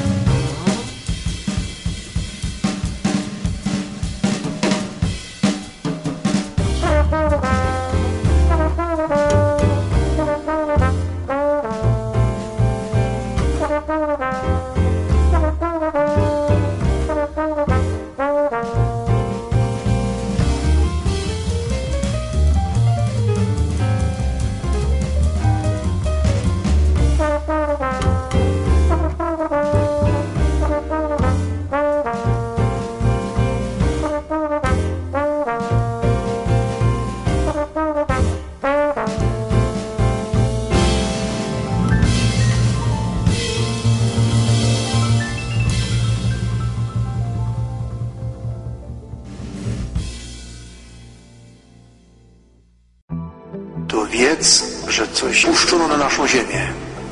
Miękki New Age, aura, akupresura, akupunktura, antropozofia, antydemolika, odometrapia, biorezonans, western, buddyzm, diagnostyka paramedyczna, enagram, ezoteryzm, gwiezdne wojny, feng shui, harry, termita, haringa, raholizm, leczenie wlotopowe, ideologia, kinezjologia, metoda Denisona, medycyna chińska, medycyna tybetańska, pozytywne myślenie, programowanie neurolingwistyczne, odmienne stany świadomości, prekognicja, psychologia transcendentalna, transpersonalna, supernauka, szkoły sztejnerowskie, telekinezja, teozofia, terapia gestalt, ufologia, zdjęcia, Gilliana, zen.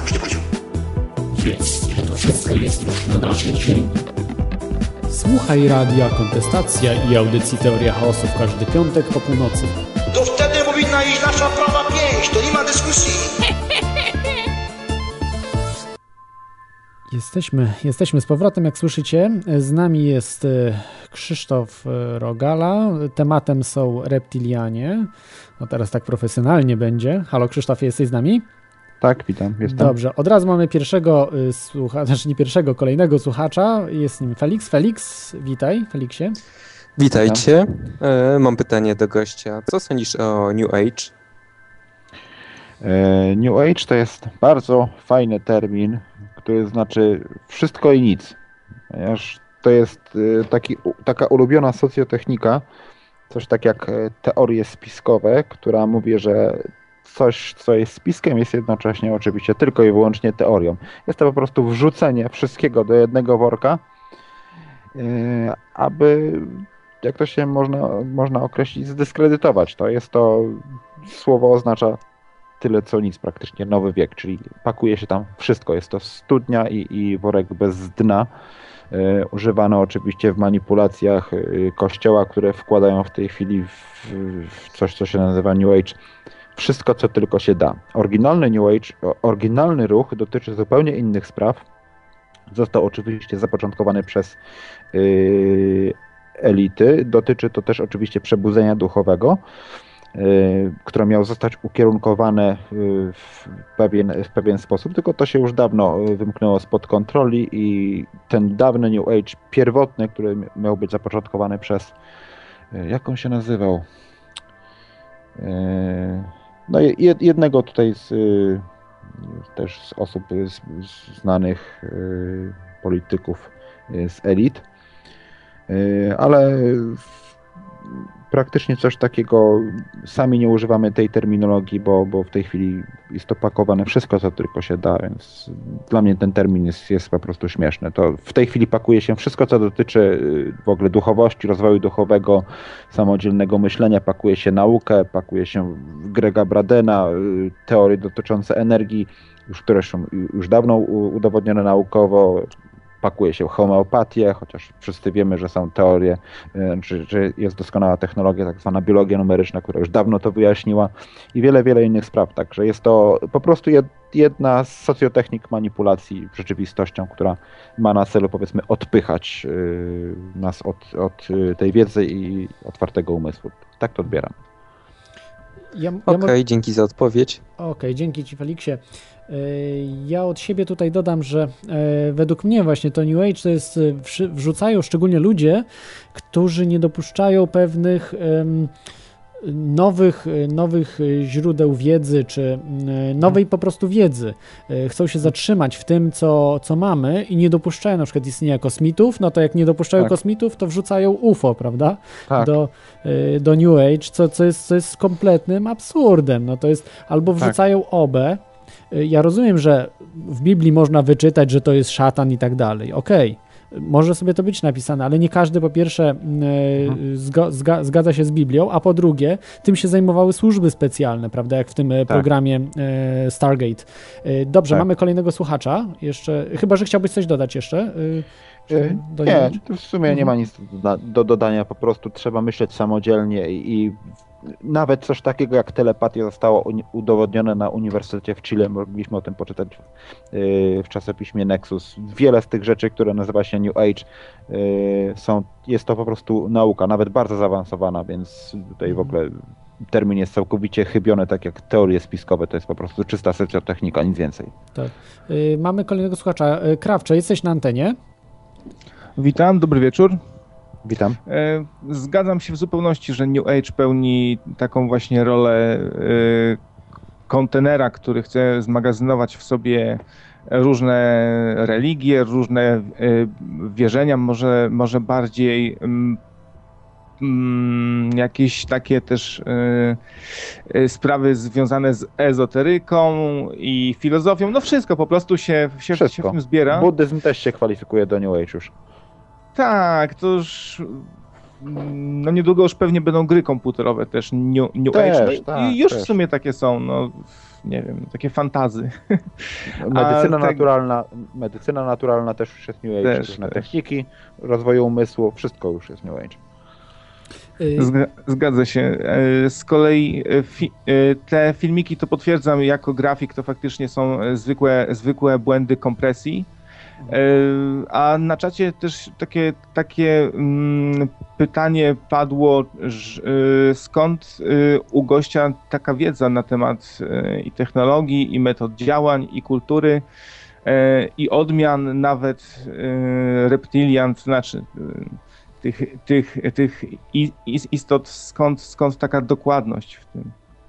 Yy, To, jest, to się wiąże z, yy, z moim podejściem do tematu. No, jak siedziało się 25 lat w sumie w ufologii i, i próbowało się dowiedzieć, jak to wszystko funkcjonuje, w pewnym momencie stwierdziłem, że, że próba, jakakolwiek próba wyjaśnienia, yy, mówiłem o tym też na, na 14 kongresie ufologicznym, już dawno nie ma racji bytu, trzeba, trzeba się cofnąć daleko w przeszłość i poznać praktycznie wszystko, całą naszą historię, a no, mamy od tego właśnie tutaj portal davidike.pl, na którym można się wymieniać tymi informacjami.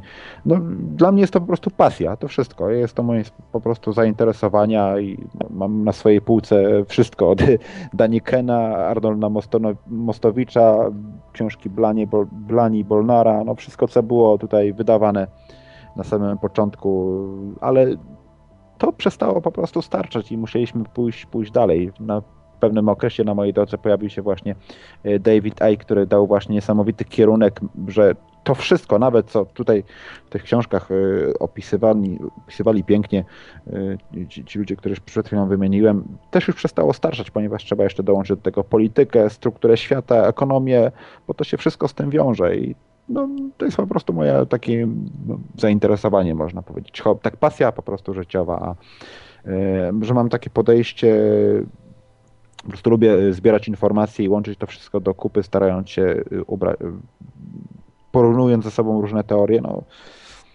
po prostu wynik, jak to się mówi, doświadczenia. Rozumiem. A y, y, czy mógłbym się dowiedzieć na przykład coś na temat przekazów, przekazów channelingowych y, o reptilianach?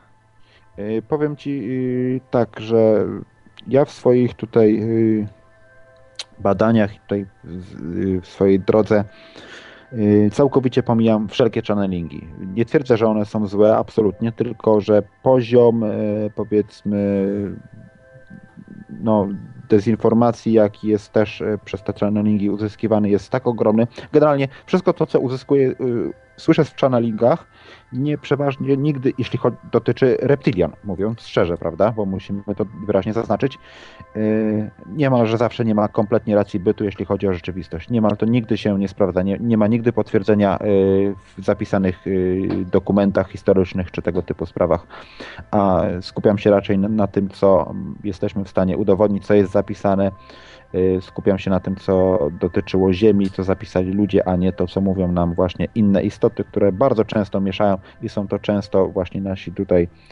yy, nasz, nasz podmiot, czyli sami, sami reptylianie, które też oczywiście mogą generować yy, różnego, różne tego typu channelingi, ale też jest mnóstwo channelingów bardzo pozytywnych, bardzo pięknych. Podobają mi się szcz- szczególnie channelingi Solary Anra czy, czy Bashara, które są niesamowita jest wiedza, bardzo pozytywne są.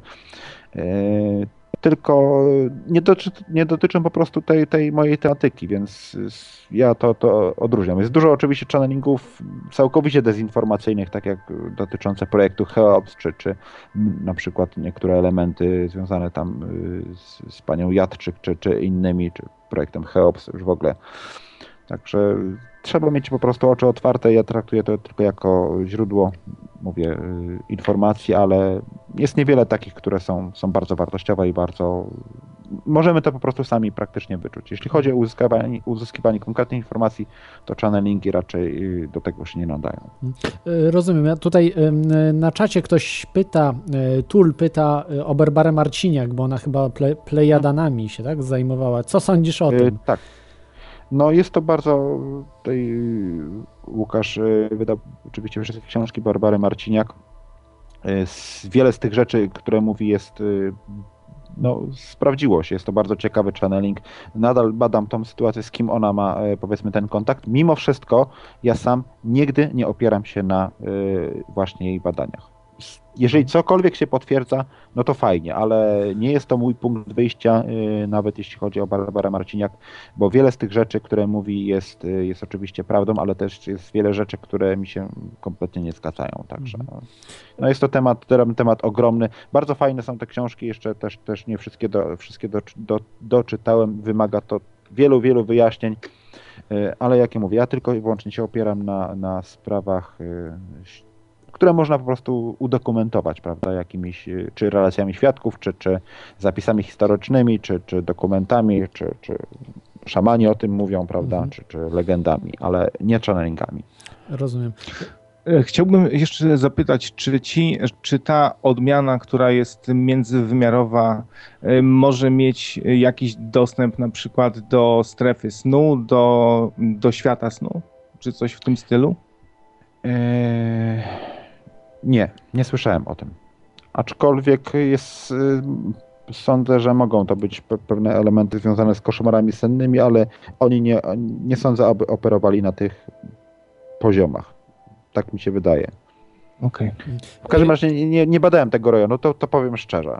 Y, Jeśli chodzi o to, czy mogą y, się komunikować poprzez sny, sam tego nigdy nie doświadczyłem, aby coś takiego u mnie następowało, ale aczkolwiek myślę, że ma to większy związek z, z, y, y, z OB, z podróżami pozacielesnymi i ewentualnie spotkaniami z takimi istotami, powiedzmy, w, w tej przestrzeni.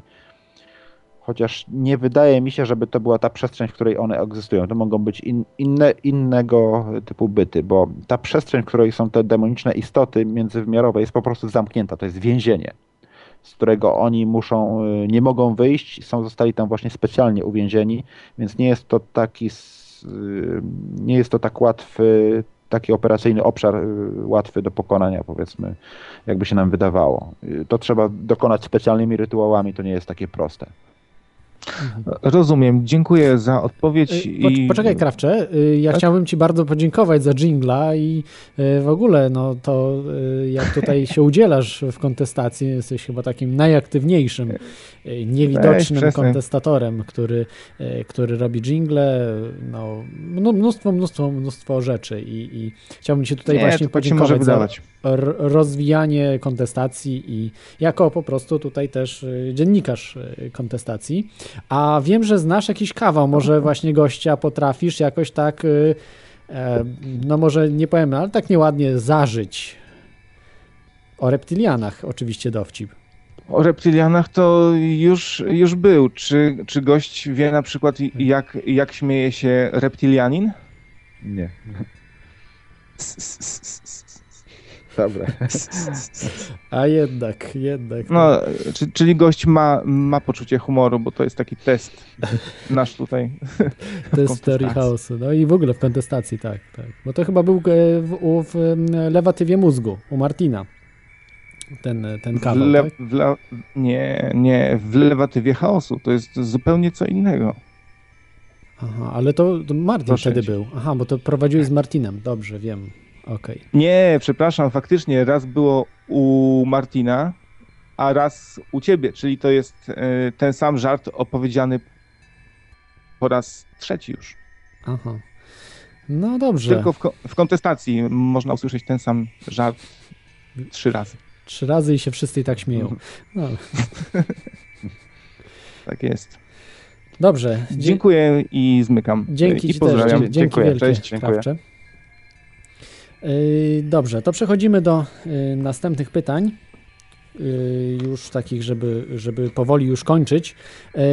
To kolejne takie plany. mm, powróćmy może do tych e, spraw z tymi podziemnymi światami, bo z tego co czytałem, o tam o, y, to było mówione o Agarcie chyba, tak? O, o tym Tak. w, w, Vril, Tak. to chyba byli y, Vril, ludzie chyba Vril, czy coś takiego. Tak, tak, to była organizacja y, nazistowska. Tak, tak, tak, ale, ale wiem, że się chyba te istoty jakieś Vril Tak. nazywały, czy, czy coś takiego, też, te, które tam... też, też to jest Mhm. bardzo ciekawa zbieżność, też to ma związek też między innymi ze światem. y, Aha, Mhm. Vril, y, już kojarzę. Było kilka, kilka podobnych kwestii. Tak, tak, tak. Co sądzisz o tym? Czy tam właśnie mogą mieszkać ci reptylianie? Na przykład E, jakaś część z tych... Zdecydowanie, y, zdecydowanie jest y, wiele, bardzo wiele śladów, no, wszystkie ślady prowadzą właśnie y, pod, do podziemi. Tutaj wiele, wiele, wiele rzeczy może wyjaśnić i opowiada Credo Mutwa. Y, Są te y, jego wywiady, można obejrzeć sobie na mojej stronie. Credo Mut, u nich te istoty, które są dla nich całkowicie realne, oni doskonale wiedzą, w jakich miejscach się znajdują. Wiedzą, że król y, tej rasy Draco Samahongo mieszka pod Sun City, y, wielkim, mm, zaawansowanym, jak to oni nazywają, miedzianym mieście na tak, to, to mówią właśnie legendy, przy, siedzi na tronie przy wielkiej studni y, ognia. E, Dalej, wie, y, Afrykanie wiedzą, że całe wzgórza, tak zwane góry księżycowe są niebezpieczne, jak mówi Credo Mutwa, wystarczy wziąć młot kowalski, są takie rejony, kiedy uderzysz tym młotem, to echo się roznosi aż y, bardzo daleko, że są to całe, całe ogromne przestrzenie wydrążone, gdzie właśnie te istoty żyją. Y, Wiele, wiele śladów prowadzi właśnie do, do podziemi. Wiele legend y, do, doskonale o tym mówi. Ike o tym wspomina w swoim artykule, który też przetłumaczymy odnośnie kultu węża. Były na przykład takie wypadki, ba, bardzo fajne legendy znaczy fajne, y, bardzo intrygujące legendy mówiące o tym, y, jak na przykład w Tybecie też oczywiście w pewnym okresie składano ofiary z ludzi i tak dalej. I jedni mnisi byli tym, tym też oburzeni, zebrano, zebrano tam iluś mnichów wojowników, wybrali się do podziemi, zrobili co trzeba, zabili tam paru tych, tych drakońskich bogów, był na kilkaset lat spokój. E, Potem identyczną sytuację mamy też e, w Ameryce e, Południowej. Też to jest zapisane tutaj w kronikach. Ike o tym wspomina. W jednej z piramid było wejście do podziemnego świata. Gigantyczne, wielkie, wielkie wrota, tak jak na, na niektórych filmach jest opisywane. Kiedy to, nie pamiętam, Inkowie czy, czy y, Aztekowie y, walczyli, y, osoby, które były wzięte do niewoli, wojownicy byli poświęcani ich bogom, były wtrącani do tych, to było jeszcze sztolnie pod piramidami, tam było właśnie wejście do tego podziemnego świata, byli, byli tam wyrzucani za te wrota, te wrota były otwierane, byli tam wpuszczani, a powiedzmy zostać, y, jak się mówi, poświęceni w ofierze ich bogom. E, Ślad oczywiście zawsze po tych, nikt stamtąd nigdy nie wracał, y, ginął po tych y, wojownikach, kiedy wchodzili do tamtego świata. Jest, są też tam fajne relacje mnichów jakichś katolickich, czy, czy którzy tam przybyli razem z konfi- konkwiskadorami, konkwistadorami i e, tam był fajny opis, że ci mnisi właśnie znaleźli y, wejście do tego świata pod tymi piramidami, otworzyli te wrota, zobaczyli wydrożony tunel, który ciągnął się y, daleko. Y, Było to oświetlone jakimiś brzegu. Zapalili pochodnie i widzieli tam z tyłu daleko jakieś czerwone, gorejące oczy. Tak się przestraszyli tego, że zamknęli oczywiście te wrota, zawalili cały tunel. Słyszeli tam też syczące dźwięki, tak jak tutaj w tym, w tym dowcipie jest y, taka legenda. Y, Potem też i inne legendy mówią o tym, że jeden z władców inkaskich y, też y, się miał dosyć tych, tych ofiar dla y, bogów z podziemnego świata. Zebrał kilkuset wojowników, zeszli właśnie do, przez te wrota do świata podziemnego, zrobili co trzeba. Y, Wróciło oczywiście ich niewielu, ale był też spokój przez jakiś czas. Także wszystko jest związane właśnie z tym światem podziemnym. Jest bardzo dużo rzeczy. Y, W książkach y, bodajże nie pamiętam, są Gyala Rinpoche, jest dużo mowa o tym, a że mnisi buddyjscy też schodzili do tamtego świata, zdają sobie sprawę z istnienia tych połączeń. Także ostatnio właśnie, to co było całkiem niedawno opublikowane w internecie, znaleziono przecież gigantyczną sieć tuneli łączącą Mhm. różne miejsca Tak, w Europie, potężna sieć, tak.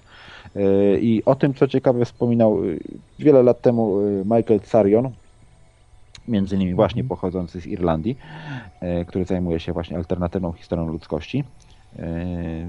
Będzie niedługo miał wykład w, w Londynie, także polecam y, osobom do, y, zainteresowanym y, którym właśnie mówi o tym, że, że taka sieć tuneli istnieje, że jest tam bardzo, bardzo wiele szkieletów ludzi właśnie różnie traktowanych i ten świat, właśnie te tunele podziemne łączą się z tym świat, ze światem podziemnym, także Mhm. część Ziemi być może rzeczywiście ma potężne komory, w których, w których te istoty są zaawansowane miasta, Także jest to, jest to, mówię, bardzo, bardzo szeroki temat, y, absolutnie się to z tym wiąże, jak najbardziej.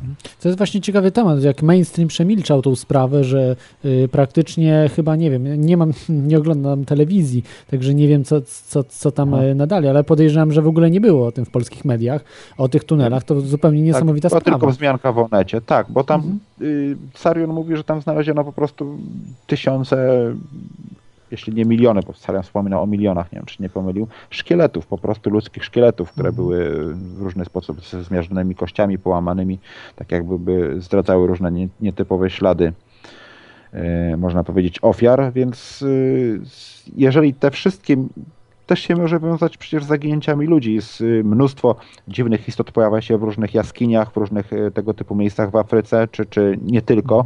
To, właśnie te istoty, czy Tauri, czy, czy inne mają in, inne y, nietypowe istoty właśnie pojawiają się przy jaskiniach, które są znane z wejścia do światów podziemnych. Wiele programów było właśnie w telewizji amerykańskich, tak zwane diabelskie jaskinie, prawda, do których ludzie wchodzą, inni nigdy nie wychodzą, też mają z tym związek. Mhm.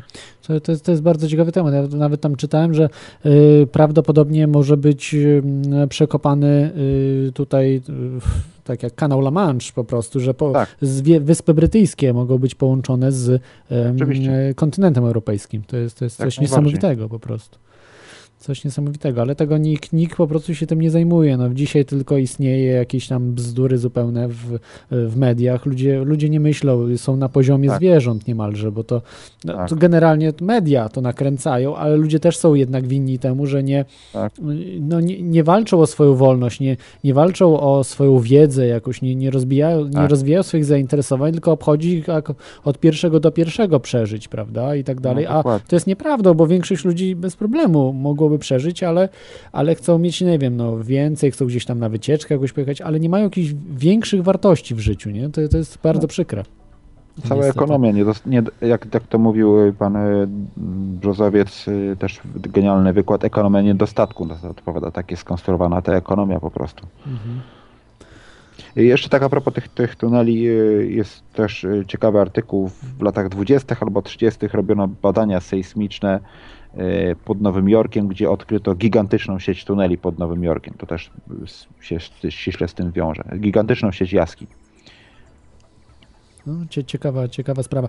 Dobrze, no może przejdźmy do ostatniego pytania, yy, które chciałbym zadać. Jeszcze macie ostatnią szansę, żeby zadzwonić. To jest 222 195 321 y, lub skype kontestacja.com. Yy, Z nami jest dzisiaj yy, Krzysztof Rogala, yy, który przedstawia nam problem reptilian. Ostatnie pytanie brzmi yy, właśnie, jakie są plany reptilian?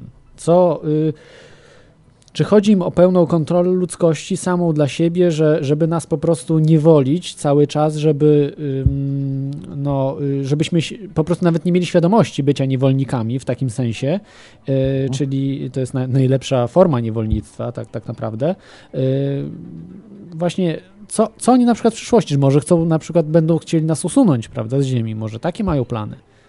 Znaczy ich plan jest doskonale zrealizowany już od dawna i jak wszyscy się spodziewają, też, też mówiłem o tym na kongresie ufologicznym, jakiejś inwazji obcych czy, czy tego typu najazdu kosmitów, no, nieprawda. Ziemia została już najechana 12 tysięcy lat temu i już dawno jest zniewolona, więc jedyne co możemy w tej chwili zrobić to się wyzwolić, więc nie można mówić o jakiejkolwiek inwazji. E, te istoty nie chcą dopuścić żadnych e, drakońskich, żadnych innych obcych istot z pozytywnych cywilizacji w rejon Ziemi, ponieważ pilnują swojego, swojego podwórka. To jest główna rzecz, izolacja nas od kosmosu. A swój plan doskonale zrealizowali. Widzimy to cały czas za oknem. Wszystko zostało u nich po prostu wykonane. No w tej chwili planują po prostu utrzymać y, nas w takim stanie, jakim jesteśmy do tej pory, aby to było powiedzmy, no tak jak mówiłem, oni nie starają się, ponieważ w tej chwili też osobna audycja musiałaby o tym być, następuje globalne duchowe przebudzenie ludzkości i oni sobie po prostu muszą z tym poradzić.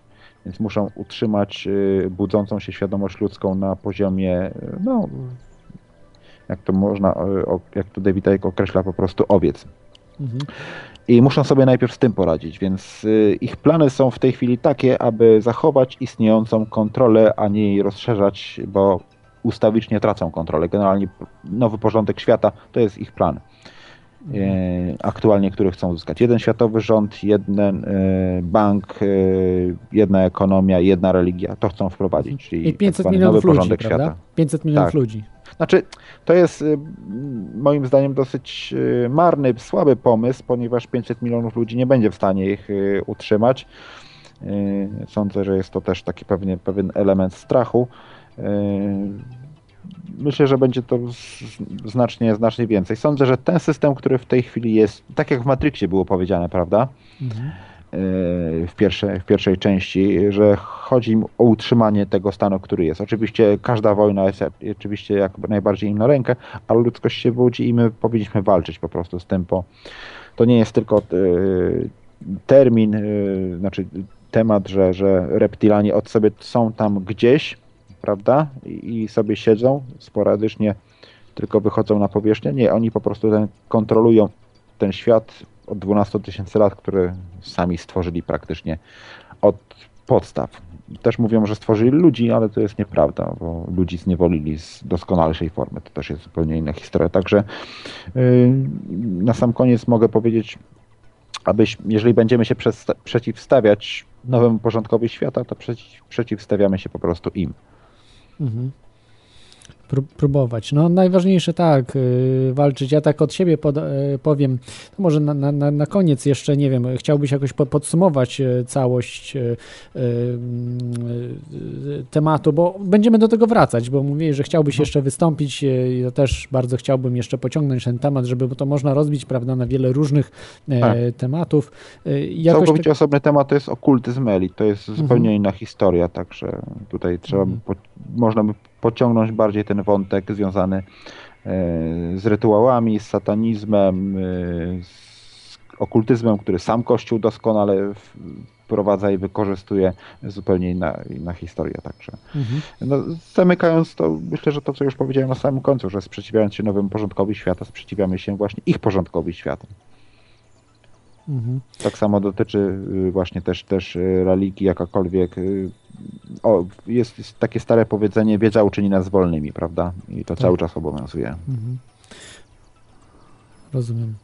Dobrze, dobrze, dziękuję Ci, y, dziękuję Ci Krzysztofie za, y, za to, że dzisiaj byłeś z nami, że tak ciekawie opowiadałeś o, o tym problemie, bo to jest naprawdę fascynujący temat. Oczywiście nie wiemy, czy to jest wszystko prawdą, ale warto, warto tego typu rzeczy badać i, i mówić o nich, bo mm, gdzie możecie się dowiedzieć tego typu rzeczy, jak nie w y, tej audycji Teoria Chaosu. E, także, także dziękuję Ci, e, Krzysztofie, za, za, za, Też dziękuję za to, bardzo. Że, że, że, że byłeś z nami. A ja tutaj. Na koniec e, chciałbym powiedzieć Wam, że tak, ta, taką rzecz, że nieważne, czy reptilianie istnieją, czy nie, ważne, że my jesteśmy zniewalani przez elity, czy, czy pod wpływem właśnie reptilian, czy nie, ale jesteśmy przez nich zniewalani. E, I nie wspomagając elit, nie wspomagasz reptilian. Innymi słowy, najważniejsze jest, żeby po prostu y, walczyć o swoją wolność coraz większą, żeby społeczeństwa się wyzwoliły od tego y, ucisku, bo jak wiecie, prawda, mamy wielki ucisk ekonomiczny. A w tej chwili chciałbym już y, zakończyć tą audycję jak zwykle tym utworem i y, dziękuję, że dzisiaj byliście e, na tej audycji. To jest taka pierwsza, taka mocne uderzenie właśnie w tym, w tym sezonie e, na temat Reptilian, o którą audycję prosiliście. Więcej na pewno to jest Krzysztof Rogala, jest specjalistą e, od Reptilian, największym w Polsce. Nie znam nikogo, kto ma większą wiedzę. Także cieszę się, że wystąpi jeszcze z nami. E, w przyszłości. A teraz Wam życzę miłego weekendu i do zobaczenia e, za tydzień. E, jak zwykle w Teorii Chaosu 24 w piątek. Cześć!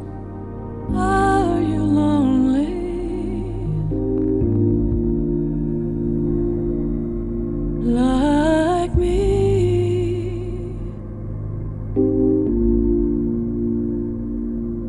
When there's no one around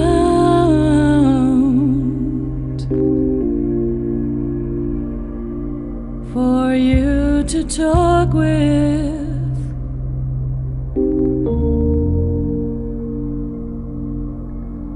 Do you talk